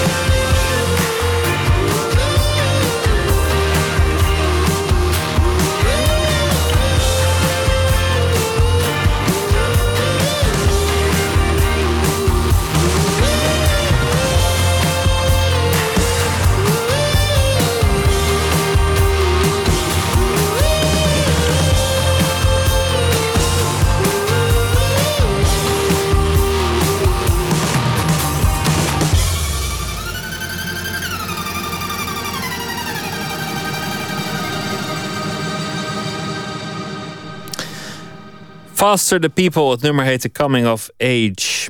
En eh, dat eh, nieuwe album dat komt uit op 14 maart.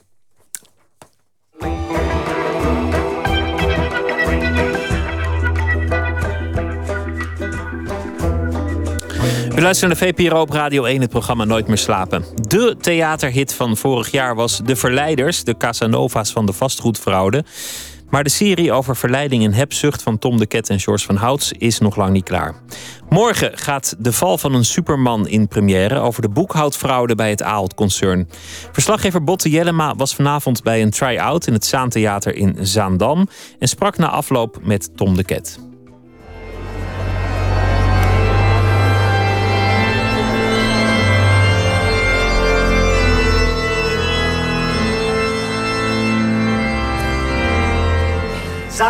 Zondagavond 22 februari 2003. Hoofdkantoor Ahold, aanwezig president-commissaris Henny de Ruiter. Bankiers van ABN AMRO, Goldman Sachs, JP Morgan. Advocaten van White Case, Roger Dassen van huisaccountant Deloitte Touche. Op de agenda de redding van Ahold. Hoeveel van die siteletters zijn er nu eigenlijk van der Hoeven? Ja, weet ik veel. Vijf. Vijf? Sorry, maar wat is de fucking deal met die siteletters? Ze kunnen de volledige omzet van hun overnames bij de omzet van Ahold optellen... als ze daar de volledige zeggenschap hebben. Hebben we ook, feitelijk. Geluk! Om te beginnen, Tom, hoe uitgekiend of cynisch, je- ik weet niet zo goed wat het is... maar het is niet, vast geen toeval dat we nu in de Albert Heijnzaal Nee. staan. Ja, absoluut niet. Nee, eh, kijk, het Zaantheater, toen, we- toen zij hoorden eh, dat wij dus het drama Ahold gingen doen... of de val van de Superman... Dat heb je een Zoals- jaar geleden ongeveer aangekondigd, geloof ik. Ja, precies. Toen eh, ja, st- eh, hingen zij meteen aan de telefoon en zeiden... van, ja, dan moet echt de première in Zaandam. En eh, ja, dat kon natuurlijk niet weigeren. En dat vinden wij ons ontzettend leuk. We bevinden ons eigenlijk in het Hol van de Leeuw. De Amerikaanse boekhoudregels verschillen van de Nederlandse. Een meningsverschil van 1 miljard. Bij US Food Service is niet gefraudeerd voor 350 miljoen. De teller staat nu op 500 miljoen. Het is de sponsor van, eh, van dit theater. Er staat met een groot logo staat het hiervoor. En eh, ja, we staan nu voor de ingang van dit theater. Daar hangt het ook heel groot boven. Albert Heijn met het logootje. Alles erop en eraan. Terwijl je misschien niet het meest positieve verhaal vertelt. Nee, over- absoluut niet. En wij zijn on- onafhankelijke theatermakers. Dus eh, eh, wij zijn totaal niet gelieerd met eh, Albert Heijn. En dit is ook een heel kritisch stuk. Natuurlijk sowieso over de boekhoud, eh, eh, of boekhoudschandaal. Maar ook over hoe het eh, concern nu opereert. Daar zijn we zeer kritisch op. Wij zijn theatermakers, wij hebben natuurlijk nagedacht over de stijl. En eh, ja, in de- deze casus hebben wij gekozen voor eh, overdreven, de groteske, tegen de klucht aan. Nou, tegenaan. Want wij zijn wel ver overheen. Maar goed, omdat eh, volgens ons het boekhoudschandaal bij Ahold een groteske was. En het ging over overdrijven. Ja, dat vind jij. Ja, precies, want daar waren we het niet allemaal over eens. Nee, helemaal niet mee. Kijk, er zijn heel veel mensen hier in de Zaanstreek natuurlijk ook gelieerd aan het bedrijf. En die vinden het natuurlijk wel interessant om daar eens een keer een stuk over, over te zien. Heb je, heb je er zicht op of er eh, mensen uit de Heijn-familie of eh, daar gelieerd vanavond in de wij, zaal wij hebben eh, bericht eh, eh, gehoord dat eh, de hele familie Heijn eh, zal gaan komen. Maar wanneer, dat weet ik niet precies. Ja. Maar zij zijn erg benieuwd en, eh, en ze willen zeker eh, komen. En ik, en ik, eh, deed vandaag de inleiding. Dat Ik zag ook al, vroeg ik ook expliciet naar. Ja, of een, uur voordat de voorstelling begon, Ja. heb je even met een groep in de mensen in een zaal gezeten. Precies, ja. En daar bleken ook al heel veel oud Ahold. En ook nu nog mensen die bij Ahold werken, die, die in de zaal dus zitten. Ja. Dat was trouwens bij de vastgoedfraude ook zo. Heel veel mensen uit die beroepsgroep. Dat is het vorige stuk wat je hebt Voor, gemaakt. ja, het vorige stuk dat we hebben gemaakt. Ja, die, die vinden dat ontzettend interessant. En dat is eigenlijk ook een soort nieuwe... Ja, we hebben met dit soort stukken nieuw publiek aangetrokken. Mm. hè. Meestal was het natuurlijk eh, stukken die naar, eh, mensen die naar het toneel gaan... dus 50 eh, plus vrouw. Maar nu zijn het allemaal mannen die hun vrouwen meenemen. Ja. En je ziet dus... eh, Mannen met stropdassen, met, in, pakken. in pakken, ja. Er zitten heel veel eh, mensen die, eh, die, die in, de, in de zakenwereld zitten, maar ook heel veel politici en heel veel, eh, ja, zeg maar mensen die maatschappelijk betrokken zijn, die heel graag dit soort stukken willen zien. Ik weet dat het waar is, want ik heb jullie vorige stuk ook gezien. En ik heb geamuseerd om me heen zitten kijken naar het soort mensen wat ik ineens om me heen Ja. had in de theaterzalen. Dat, is- dat is eigenlijk misschien wel onze grootste verdienste, dat we eigenlijk een heel ander publiek hebben aangeboord met deze Zijn jullie ook voor gewaardeerd? Want eh, het, bij de theaterprijs is hij eh, heel hoog geëindigd. Ja, hebben- precies. Is We, we hebben de, publieksprijs eh, gewonnen. En Pierre Bokman natuurlijk eh, de Louis d'Or. Ja. Dus eh, ja, dat, inderdaad. eh, dat, het, werd- het werd gewaardeerd. Maar goed, het gaat natuurlijk om het theater wat je maakt. Hè? Mhm. En eh, ik denk dat dat in, in- natuurlijk in eerste instantie eh, is wat mensen...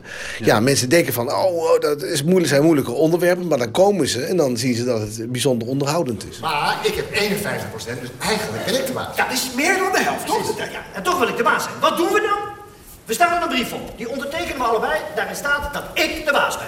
En daarmee ga ik naar papa accountant en mama de beurs. Aha, maar ik heb eh, 51%, dus ik bepaal zelf wat ik in mijn winkels allemaal verkoop als kopjes. Ja, daarom maken we een tweede brief. Oh. Die ondertekenen we ook allebei. En daarin staat dat wat in die eerste brief stond helemaal niet waar is. Goed. En die tweede brief, die is geheim. Ja. Die stop jij onder in je snoepwinkel, onder, in de la, onder, onder, de vloerplanken. Precies, helemaal weggestopt. Geheime brief, mag niemand weten, behalve misschien papa accountant. Nee, nee, nee, nee. Laten we het even over deze hebben. Ik vind het wel interessant. Zo langzamerhand begin ik een beetje een vormpje bij, eh, bij jullie te ontdekken. Ja. Eh, de Verleiders, dat is de overkoepelende... eh, ja, daar valt, daar valt alles een beetje onder. Ja. In dit geval gaat het over de super-man. Ja. Over de Albert Heijn, de Albert Heijn-familie. En vooral over de, het boekhoudschandaal wat er elf jaar geleden... Ja, het is op, Elf jaar? de kop af. Op de elf- kop af elf jaar, ja, klopt. Want op 23 februari 2003 kwam aan het licht dat Albert Heijn niet helemaal eerlijk... of in ieder geval het Ahold-concern... niet helemaal eerlijk was geweest over... in hoeverre ze nou eigenaar waren van een Amerikaanse tak daarvan. En het ging uiteindelijk om meer dan 1 miljard euro aan...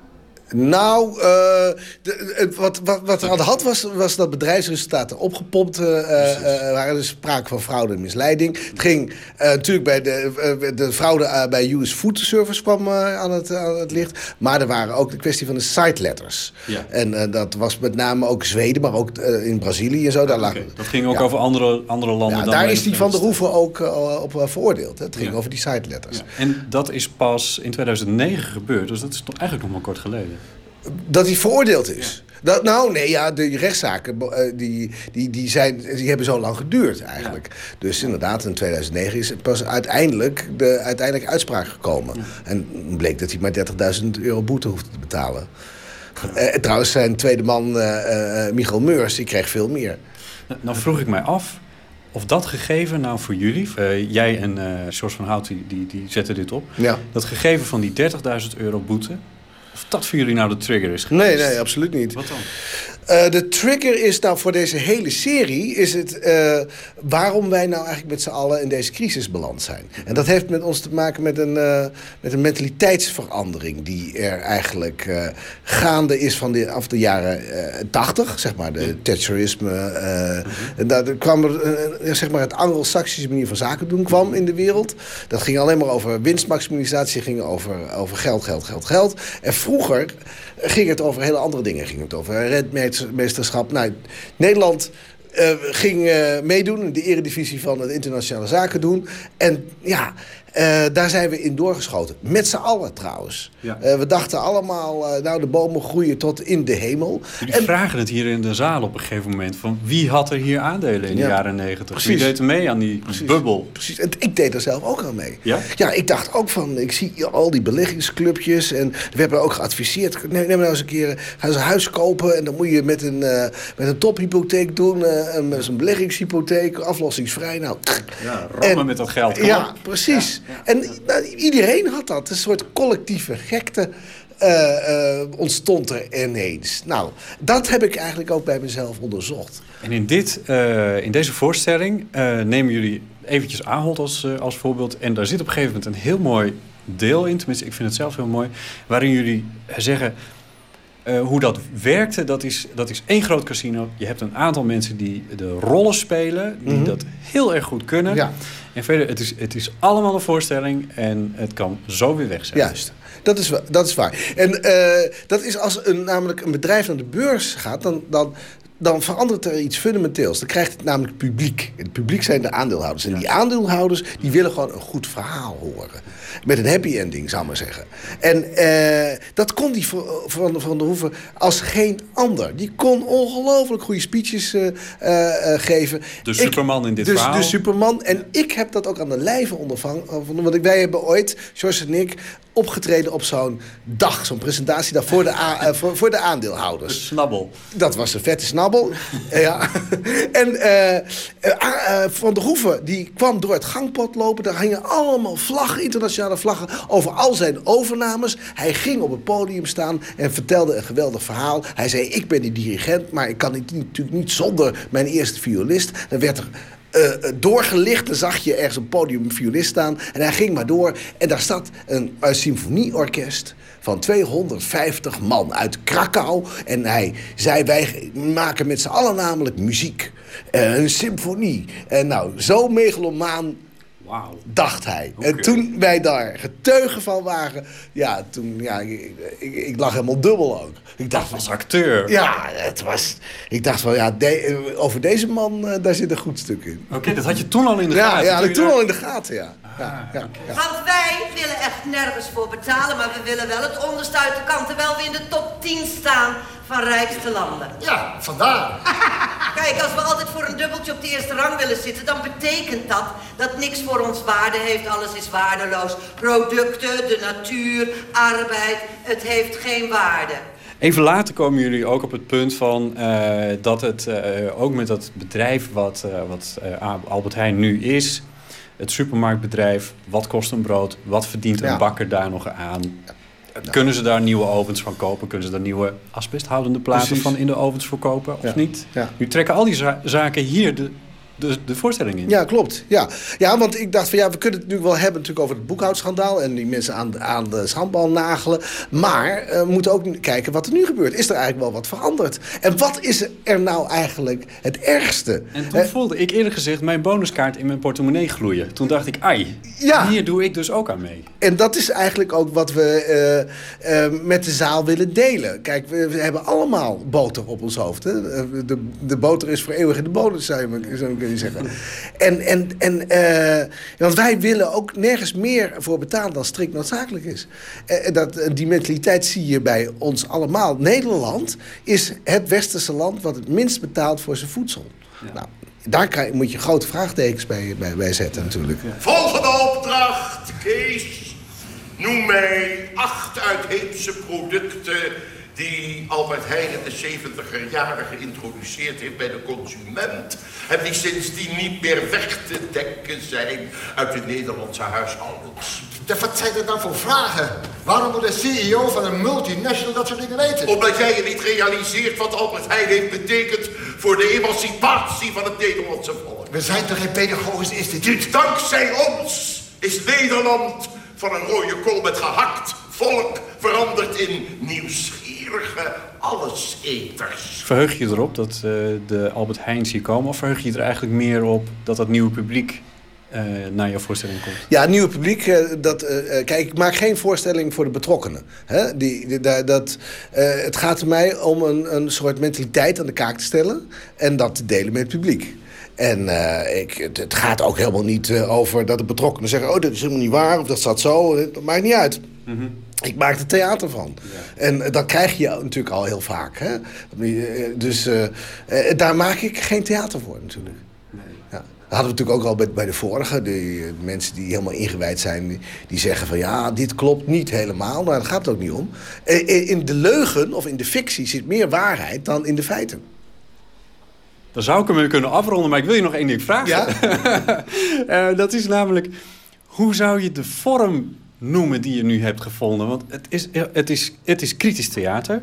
Eh, het, het, het is theater in de zin van dat er echt toneel gespeeld wordt. Het is een, een klucht. Ja. Het is cabaret. Wat, Ja, nee, wat, wat wij eh, ontzettend leuk vinden en interessant vinden om te maken is eh, eh, heel veelvormig theater. Dus eh, met een chic woord noem je dat eclectisch. Eclectisch theater. Ja. En ik denk dat dat het is. Het, er, er zit documentaire in, er zit stand-up in, er zit cabaret in, er zit toneel in, drama. Nou ja, Ja. En, en die, daar spelen we mee. Ja. Daar spelen we mee. En dat, dat is denk ik eh, eh, ook verrassend eraan. Albert, het is!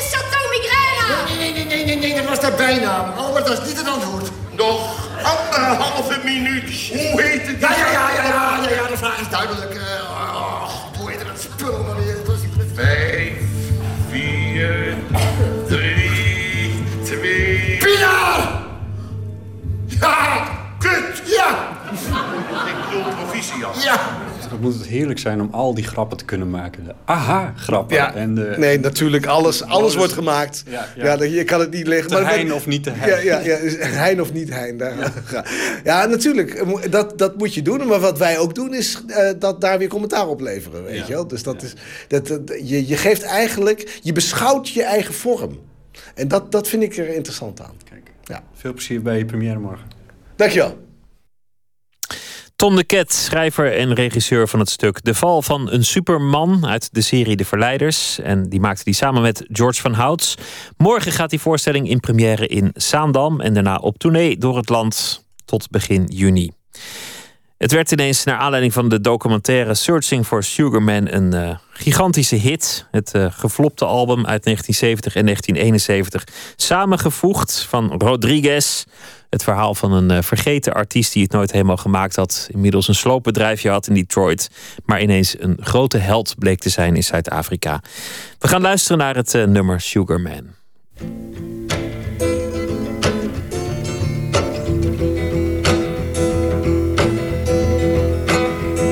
Sugar man, won't you hurry? Cause I'm tired of these scenes. For a blue coin, won't you bring back all those colors to my dreams? Silver magic ships you carry, jumpers, coke, sweet Mary Jane. Sugar man met a false friend on a lonely, dusty road. Lost my heart when I found it. It had turned to dead black coal. Silver magic ships you carry, jumpers, coke, sweet Mary Jane. Sugar man, you're the answer that makes my questions disappear. Sugar man, cause I'm weary of those double games I hear. Sugar man, sugar man, sugar man,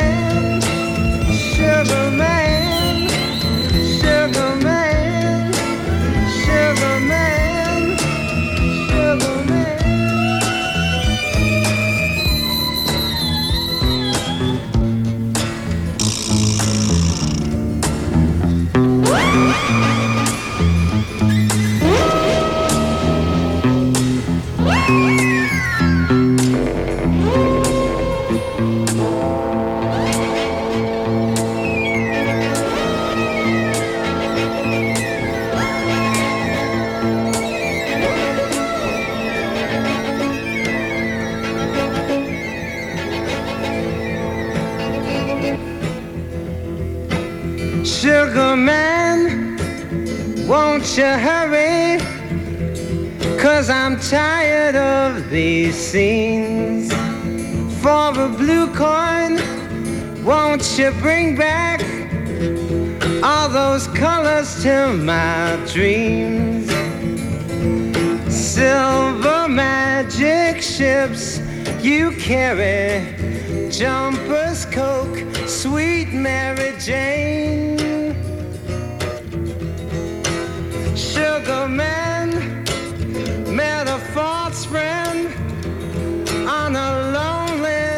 dusty. Lost my heart when I found it. It had turned to dead black coal.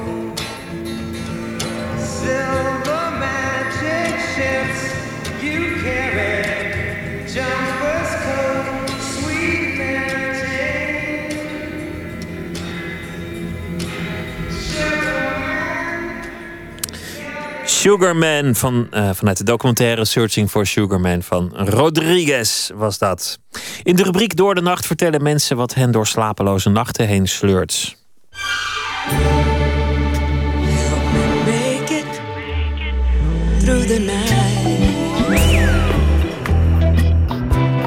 En dat hoort u vannacht van regisseur Casper van den Putten, verbonden aan het Nationaal Toneel.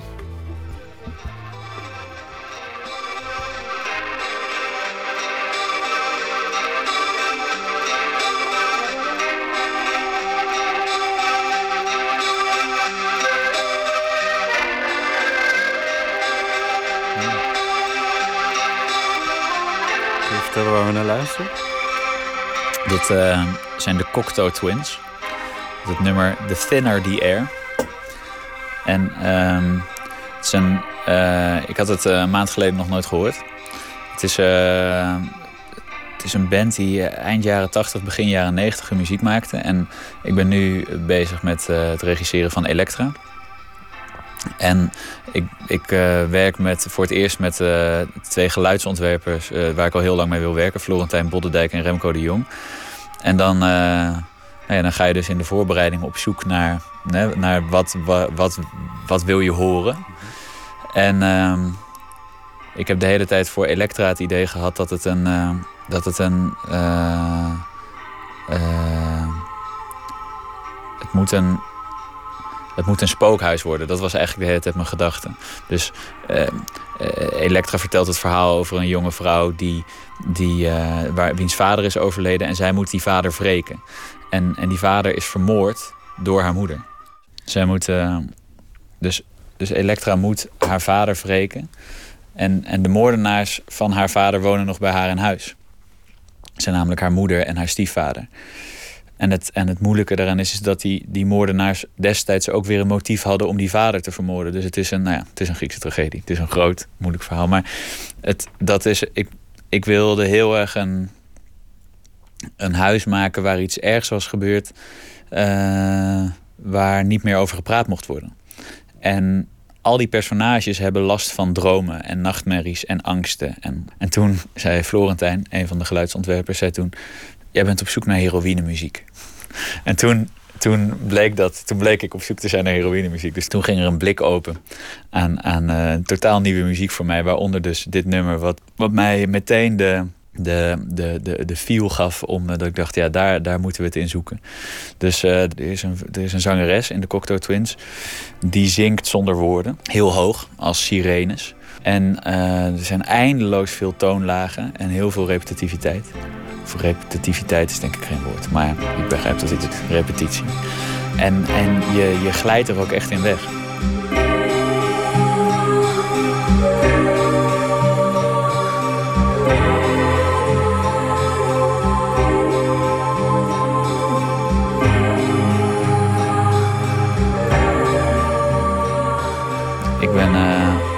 Ik ben een goede slaper, meestal. En ik ben ook een, als ik niet slaap, ben ik ook een hele slechte niet-slaper. Dus ik, ik lig me dan uh, echt op te vreten. Uh, maar ik heb sinds kort, ik ben verhuisd, waardoor ik makkelijker uh, uit de slaapkamer kan gaan en naar echt een andere kamer kan gaan om daar even iets te doen. En de laatste keer dat ik niet wakker, dat ik niet in slaap kon komen, toen, toen, toen was het ook, toen zette ik deze op, omdat het een, je wordt er vanzelf, je wordt er vanzelf, misschien kan je er niet van slapen, maar je komt wel in een in een staat waarin je, waarin je heel goed een beetje, uh, in ieder geval een beetje kan liggen spacen. Ja. Dus dat, en het is, het is heerlijk om aan te hebben ook. Het is heerlijk om een soort om bij je te hebben. Ik gebruik het nu ook heel vaak als ik merk dat ik na een repetitie op weg ben en met mijn hoofd te veel met andere dingen bezig ben. Dat ik dan denk, oh, ik ben nog niet klaar om zo weer die wereld in te, in stappen van het repetitielokaal. Dan pak ik hem er ook altijd even bij. Dan, dan uh, van het station uh, naar uh, de repetitielokalen van het Nationale Toneel is het zo vijf minuten lopen. Dat is perfect. Dan is het nummer net klaar als ik het repetitielokaal inkom. En dan ben ik er weer, dan zit ik weer in die spookwereld. Ja.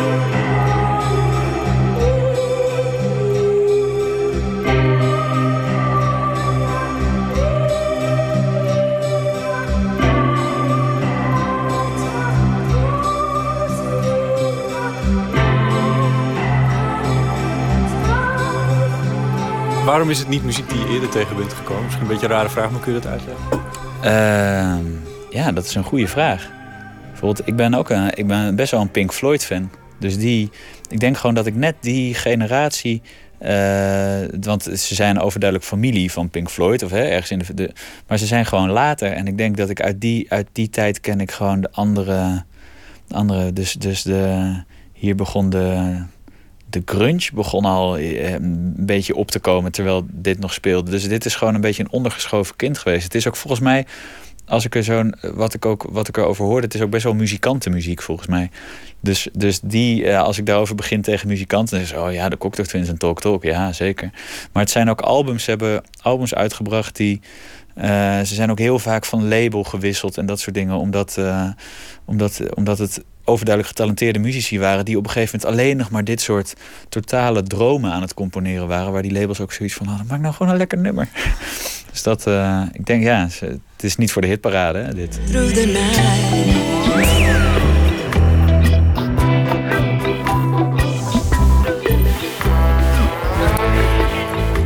Regisseur Casper van de Putten hoorde u van het uh, Nationaal Toneel.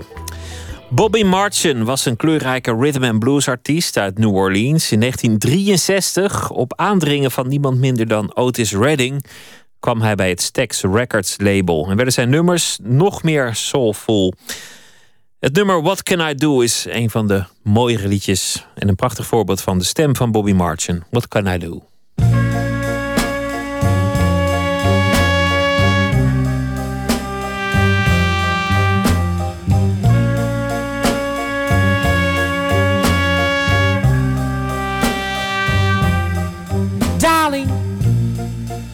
What can I do? I've tried to do everything that I could ever think of to make me and you be tight and be together. But it seems that everything I do is wrong. So won't you please tell me what can I do to make you and I get along? I sometimes sit down and think if I could be with you. Oh my, my, my, what I could do. But it seems that although I think of you each and every night, you're far, far and farther away from me. And you know, I just can't help but think we could be really, really tight with one another. You could be everything to me. You could really be the little girl of my dreams. But tell me, now please tell me, what can I do? What can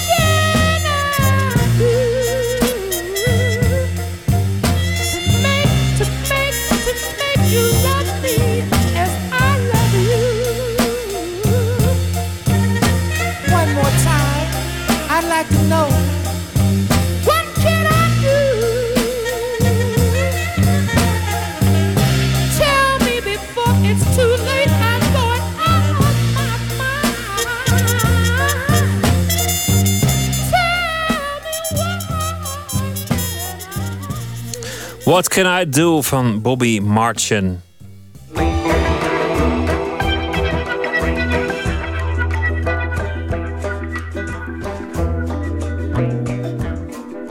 We luisteren naar de VPRO op Radio 1 Nooit meer slapen.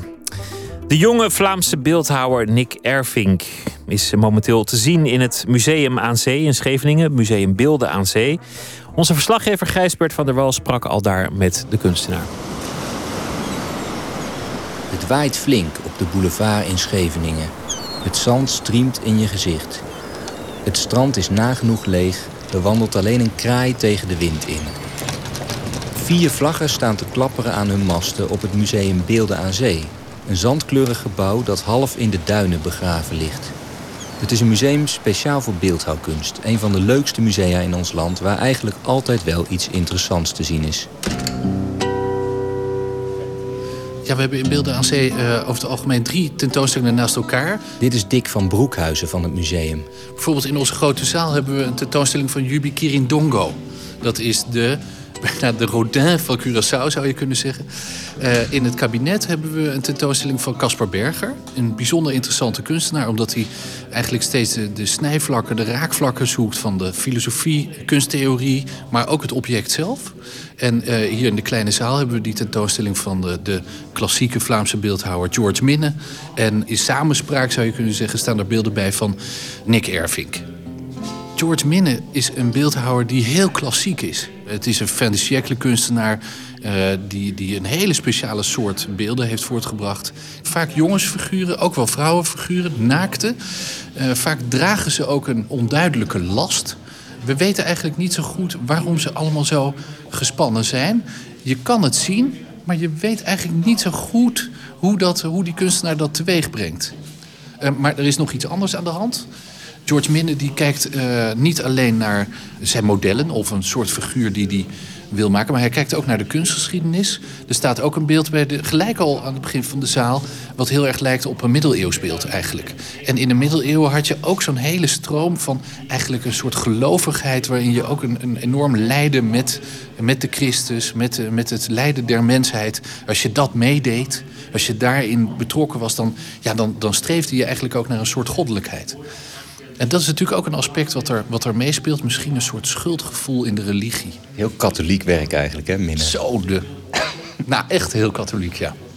En ehm, dat werk van, van Nick Ervink, eh, ja, dat heeft zoveel raakvlakken, maar is ook zo anders dat zo'n tentoonstelling ineens een, een lichtheid kan krijgen die je eigenlijk wel wil hebben. Ja, doordat je Ervings beelden er dus gewoon dwars doorheen plaatst. Gewoon Ja, tussen die beelden van Minne. Bijna eigenlijk alleen maar op esthetische grondslag. Ja, zeg het niet. Het mag allemaal niet in museumland. Ik weet het allemaal wel.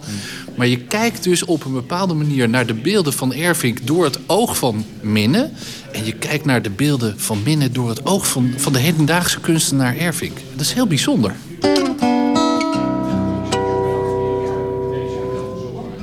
Vind het zelf super plezant om eigenlijk een, eh, een dialoog aan te gaan. Dit is Nick Ervink zelf. Ik denk persoonlijk dat, dat voor een, een heendaags publiek die ook niet meer gewend is om een beeld te bekijken zoals het 100 jaar geleden werd bekeken, dat een, een tentoonstelling van Minne alleen eh, ja, bijna die hedendaagse toets zou ontbreken. En mijn werk... Ja, hoe hoe werd dan 100 jaar geleden de kunst eh, bekeken? Ja, we komen natuurlijk uit een, uit een heel lange traditie. En, en een van mijn ja, grote eh, ja, idolen, ook om het zo te zeggen, is eh, Henry Moore. Hè. Ik ben, verzocht- Henry Moore was een Engelse beeldhouwer. Een Engelse beeldhouwer, ja. 20e eeuw. Ehm, en hij wordt een beetje aanzien als de uitvinder van het had in een sculptuur in onze westerse traditie. Iets die zeer vreemd is dat er eh, voor hem nog nooit iemand aan gedacht had om een eh, had in een sculptuur te maken. een Eh, gat in een sculptuur is gewoon een opening in een vorm. Voilà. Maar een bewuste opening. Niet een omwille van een of andere technische reden, maar echt een gat maken omwille van een gat. Dus als je bedenkt dat dat idee in onze cultuur eigenlijk nog maar 100 jaar oud is, dan begin je te snappen dat we in die 100 jaar een hele lange weg hebben afgelegd om naar beelden te kijken en, en goed beelden te beoordelen. Met andere woorden, George Minne maakte nog geen welbewuste gaten in zijn sculpturen. Inderdaad. Nee, die, die komt natuurlijk van een enorme figuratie. En in die figuratie heeft hij natuurlijk eh, baanbrekend werk verlegd. En heeft hij ja, beginnen met, met figuren uit te lengen, beginnen met bewegingen te bekijken. Ehm, die was super modern voor zijn tijd. Maar nog altijd stond hij in die traditie van een, een be- eh, beelden zijn blokken. Van steen of van gips of van brons, maar een soort massieve eh, blokachtige vormen. Tegelijkertijd is denk ik ieder mens ook een eh, soort ehm, slachtoffer van zijn tijd en van zijn geschiedenis. Je gaat natuurlijk je geschiedenis als een, als een rugzak gaan meenemen. En, en daar wordt natuurlijk een element aan toegevoegd. En ik denk dat het dat het mooie is. En, en dat was natuurlijk de uitnodiging die mij ook charmeerde. Hè. Men, men gaat Minne, de 19e eeuwse Belgische vernieuwende beeldhouwer, tegenover dan Nick Erving, de 21e vernieuwende beeldhouwer. Hè. Dat kun je later over oordelen of dat effectief zo is of niet. Mhm. Maar dat is natuurlijk een, een fantastische uitnodiging als je in die context kunt... eh, Dus eigenlijk voel je je in die zin, misschien niet eens formeel, maar wel als persoon of als beeldhouwer een beetje verwant aan Minne. Minne was vernieuwend voor zijn tijd, jij bent vernieuwend voor jouw tijd. Als beeldhouwer word ik vaak vreemd bekeken, want ehm, binnen een, een ja, klassieke term als beeldhouwkunst ben ik veel te vernieuwend. Want ik eh, maak gebruik van computer, ik maak gebruik van 3D-printen. Maar binnen die nieuwe mediawereld, binnen die computerwereld, word ik dan ook weer vreemd bekeken. Want ik maak nog altijd een sculptuur op een sokkel, op een klassieke manier. Ja, ja, bij jou blijft het niet in de computer op de harde schijf op het beeldscherm... maar je maakt er toch ook een fysiek object van. Op, op die manier sta ik eigenlijk met eh, één voet in een oude wereld en één voet in een nieuwe wereld. Een schizofreen verhaal. Voilà. Ik ga op zoek van ja, wat is beeldhouwkunst geweest en, en wat kan beeldhouwkunst zijn in de toekomst.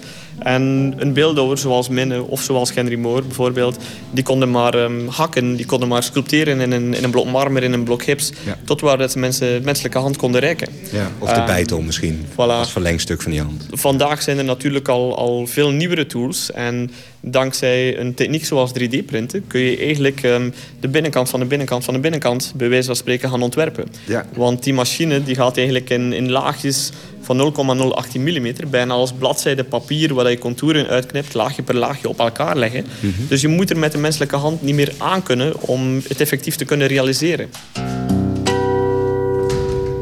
Als u nou nieuwsgierig aan het worden bent naar wat Nick Erving maakt, dan kunt u zijn beelden bekijken op zijn website www.nickervink.com. Nick met CK aan het eind en Ervink ook. nickervink.com. Maar u kunt nu natuurlijk ook in Scheveningen gaan kijken, want daar staat een stel beelden in het echt. Ja, bijvoorbeeld dit beeld dat we nu zien is uh, Harfinoswoda. Zeg dat nog eens? Harfinoswoda. Ja, je kunt het zo vaak zeggen als je wil, maar het blijft gewoon een hele vage titel. Het sculptuur is amper een, een 30 centimeter lang. Het is een zeer klein object. Ongeveer het volume van een, een schedel. Je kunt er op een bepaalde manier wel nog een soort hoofd in zien met de grote openingen waar eventueel de ogen zouden zitten.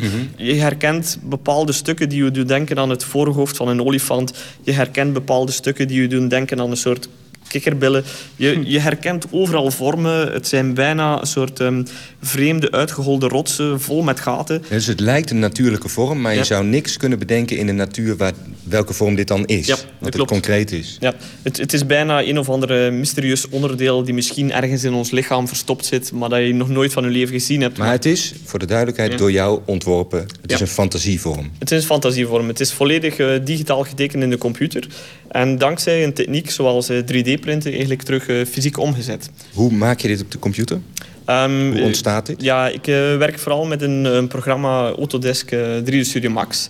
Ehm, een 3D-tekenprogramma. En alles is eigenlijk ontstaan uit een virtuele kubus. Daar heb ik dan nog een kubus uitgehaald, nog een kubus uitgehaald, nog een kubus uitgehaald. En die worden geleidelijk aan afgerond, zodanig dat ik eigenlijk de vorm teken. Dus in die zin, ik ga zeer schetsmatig te werk. Ik ga soms eh, 800 vormstudies maken tot ik zeg, oké, dit is de vorm die ik nu wil gaan uitwerken. Ik ga... Maar je bent dus wel degelijk een beeldhouwer. Die, denkt, in, die denkt in volumes, ook al is die in twee dimensies bezig op zijn beeldscherm. Ja, maar eh, je bent eigenlijk nooit op twee dimensies bezig op je beeldscherm. Dat is net het leuke. Moest ik die vorm gaan bedenken op papier, zoals men vroeger deed, om het zo te zeggen, Mhm. dan ben je zelfs als beeldhouwer ehm, te beperkt. Want die vorm is te complex geworden om nog in je geest vast te nemen. Ja, Eh, dus, als, je, als je het gewoon ouderwets in een schetsboekje zou moeten tekenen... zou je er niet uitkomen. zou je dit niet ontworpen Dit krijgen. zou je nooit ontworpen krijgen, omdat je geest eigenlijk eh, een bepaalde limiet geeft tot de complexiteit dat je geest aan kan. Ja? En de computer vult jouw geest aan eigenlijk. Voilà, de computer die slaagt erin om natuurlijk mijn, mijn eh, sculptuur te gaan opslaan. Daar de volgende dag te gaan verder werken. Twee weken later aan verder werken. Een stuk En je kunt ook op een virtuele manier om dat beeld alvast Ja. heen lopen in je computer. Ja, ik kan er volledig inkruipen en dat maakt ook dat ik oneindig complex kan gaan. Ik kan de binnenkant gaan ontwerpen, ik kan terug een sculptuur binnen in die binnenkant gaan steken. Ik kan er echt bijna als een soort eh, virtueel, eh, virtuele wereld in gaan rondzwerven. En eh, het sculptuur die dan in realiteit hier amper 30 centimeter is, voelt soms in je computer als gigantische grote grotten. Ja, ja. Waar dat je in De hele wereld. bent. Dus ik kan eigenlijk veel complexer gaan ontwerpen dan eigenlijk alle kunstenaars voor, voorheen mij. En ik kan eigenlijk ook ehm, gaan ontwerpen waar de menselijke hand niet aan kan. Doordat een sculptuur in, in lagen wordt opgebouwd, moet ik er eigenlijk niet meer bij kunnen om, om te gaan hakken of, of met bijtels te gaan eh, stukken wegnemen of eh, eh, met kleine stukken te gaan toevoegen. En dat maakt dat je eigenlijk op een heel andere manier kunt gaan denken. En dat is wat mij interesseert, ehm, dat de nieuwe techniek mij ook toelaat om op een nieuwe manier te gaan ontwerpen, op een nieuwe manier te dromen. En op die manier kun je erin slagen om, om eh, ja, een, element gaan aan toevoegen aan wat beeldhouwkunst in het verleden was en wat beeldhouwkunst in de toekomst kan zijn. Ik heb nu bepaalde ontwerpen in mijn computer die zelfs met alle middelen en alle technieken van de wereld op vandaag niet mogelijk te realiseren zijn. Nog steeds En niet? Nog steeds niet. En dat maakt het Dus natuurlijk... dat betekent eh, dat de 3D-print moet nog zich verder technisch ontwikkelen... Ja. en dan pas kun je maken wat, jij nu, eh, wat jou voor ogen staat... en wat in je computer al als ontwerp eh, gemaakt is. Inderdaad, en dat maakt u als kunstenaar enerzijds zeer frustrerend omdat het nog niet kan. Maar anderzijds ook wel een gelukzalig gevoel dat je wel voelt van ja, ik, ik zit hier op een bepaalde barrière en, en die zal in de toekomst wel overschreden worden. En dat maakt eigenlijk dat jij ook in deze tijd een soort vernieuwer bent in de beeldhouwkunst... zoals Georges Minne dat eh, ruim een eeuw geleden was. Ja, inderdaad.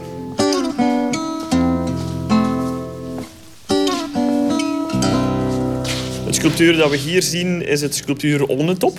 Um, Olnetop is eigenlijk een, een sculptuur die ontworpen is voor ehm, de Triennale in, eh, aan de Belgische kust. Ehm, een tentoonstelling die om de drie jaar plaatsvindt met eigenlijk eh, gigantische monumentale sculpturen die overal op het strand staan opgesteld. Op het En- strand, dat is een ja. mooie plek voor een sculptuur. Absoluut. Lekker maar, ruimte. Dat is ook de moeilijkheid, want probeer maar eens iets op het strand te plaatsen die niet volledig verdwijnt in die, die grootschaligheid. Al, al maak je een beeld van vele meters hoog... dan nog is het eigenlijk niks als je het bij de zee zet. Piepklein, ja. En ik heb gelukkig een, een locatie gevonden waar als het ware een, een duin bijna opspat uit het zand. En die duin heb ik eigenlijk bijna gebruikt als mijn eh, sokkel voor het sculptuur. Eh, het sculptuur zelf staat natuurlijk in een, in een lange Belgische traditie van eh Delvaux, Magritte. Dus ik vroeg mezelf ook af van ja, wat kan ik nu gaan doen eh, met de Belgische kust? Het is niet dat ik op die manier van, van die kunstenaars nog naar de zee kijk of naar de wereld kijk. En ik heb mij laten inspireren door eigenlijk het eh, opspattende water eh, Ja. dat we natuurlijk aan, aan de golfbrekers zien. En dat opspattende water heb ik eh, gefotografeerd, heb ik gaan virtueel nabouwen in mijn computer. En dat bijna als een soort Lego-blokken gebruikt om op die manier een soort opspattende vorm te gaan creëren. Ik vind het een van de allermooiste beelden die ik in de afgelopen tijd gezien heb. Oh, dank u. Echt waar. Het driedimensionaal en hard maken van opspattend water. Dat is toch te gek? Ik heb nog nooit iemand gezien die dat maakte. Dank u. En net de opspat in de water alleen vond ik nog niet voldoende. We gaan natuurlijk ook eh, een, sculptuur op een strand tonen. Daar gaan niet altijd de grote kunstkenners naartoe komen, maar krijgen we een zeer breed strandpubliek. En vandaar heb ik de keuze gemaakt om eigenlijk een soort eh, drie poten onder het beeld te zetten. En daardoor wordt het plotseling bijna een, een wezen. Het is bijna een soort eh, een strandwandelaar die s'nachts over, over de duinen zwermt. Een, En- een vreemd organisch geval op drie poten. Inderdaad. Het leuke aan, aan dit beeld is dat het eh, natuurlijk de, de dynamiek uitstraalt. Een dynamiek dat we ook in de werken zien van eh, Minne. En het is leuk dat momenteel de, de- het grote sculptuur aan de zee staat in Breen eh, aan de Belgische kust. En dat we hier aan de zee, in Beelden aan Zee, hebben we eigenlijk het kleine schaalmodel. Hè. We zitten natuurlijk in een ruimte met de betonnen muren. Maar achter deze ruimte hebben we natuurlijk onmiddellijk de fantasie van de zee. En je Ja, kunt niet bijna- alleen de fantasie van de zee. Als je hier naar buiten loopt, dan sta je op het Voilà. strand. En je kunt natuurlijk bijna gaan eh, inbeelden hoe het sculptuur s'nachts gaat ontsnappen en even een duik gaat nemen in het water.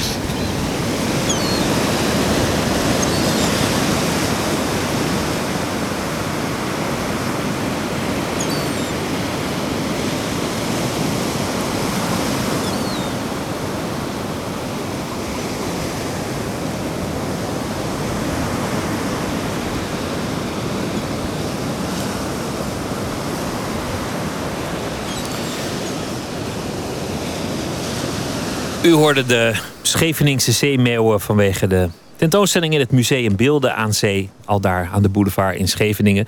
Een reportage van Gijsbert van der Wal over het werk van Niek Ervink. En het is nog tot en met 1 juni daar te zien. En daarmee zijn we aan het einde gekomen van deze aflevering van Nooit meer slapen. Onze website is vpro.nl/slash nooit meer slapen.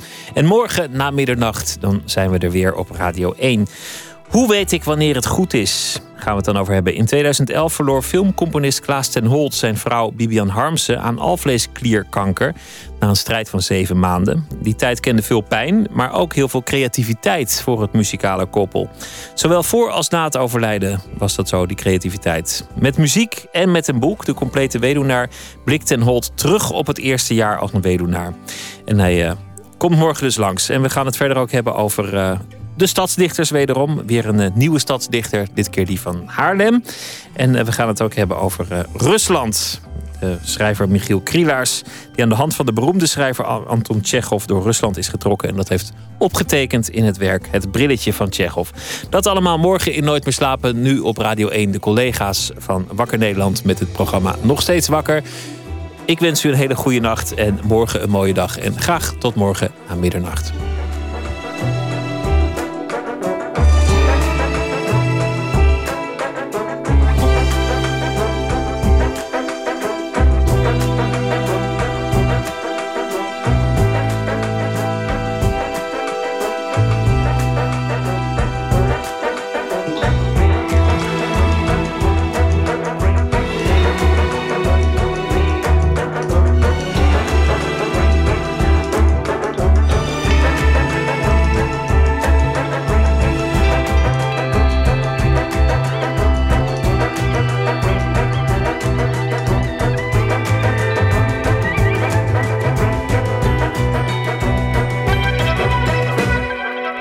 Radio 1, het nieuws van alle kanten.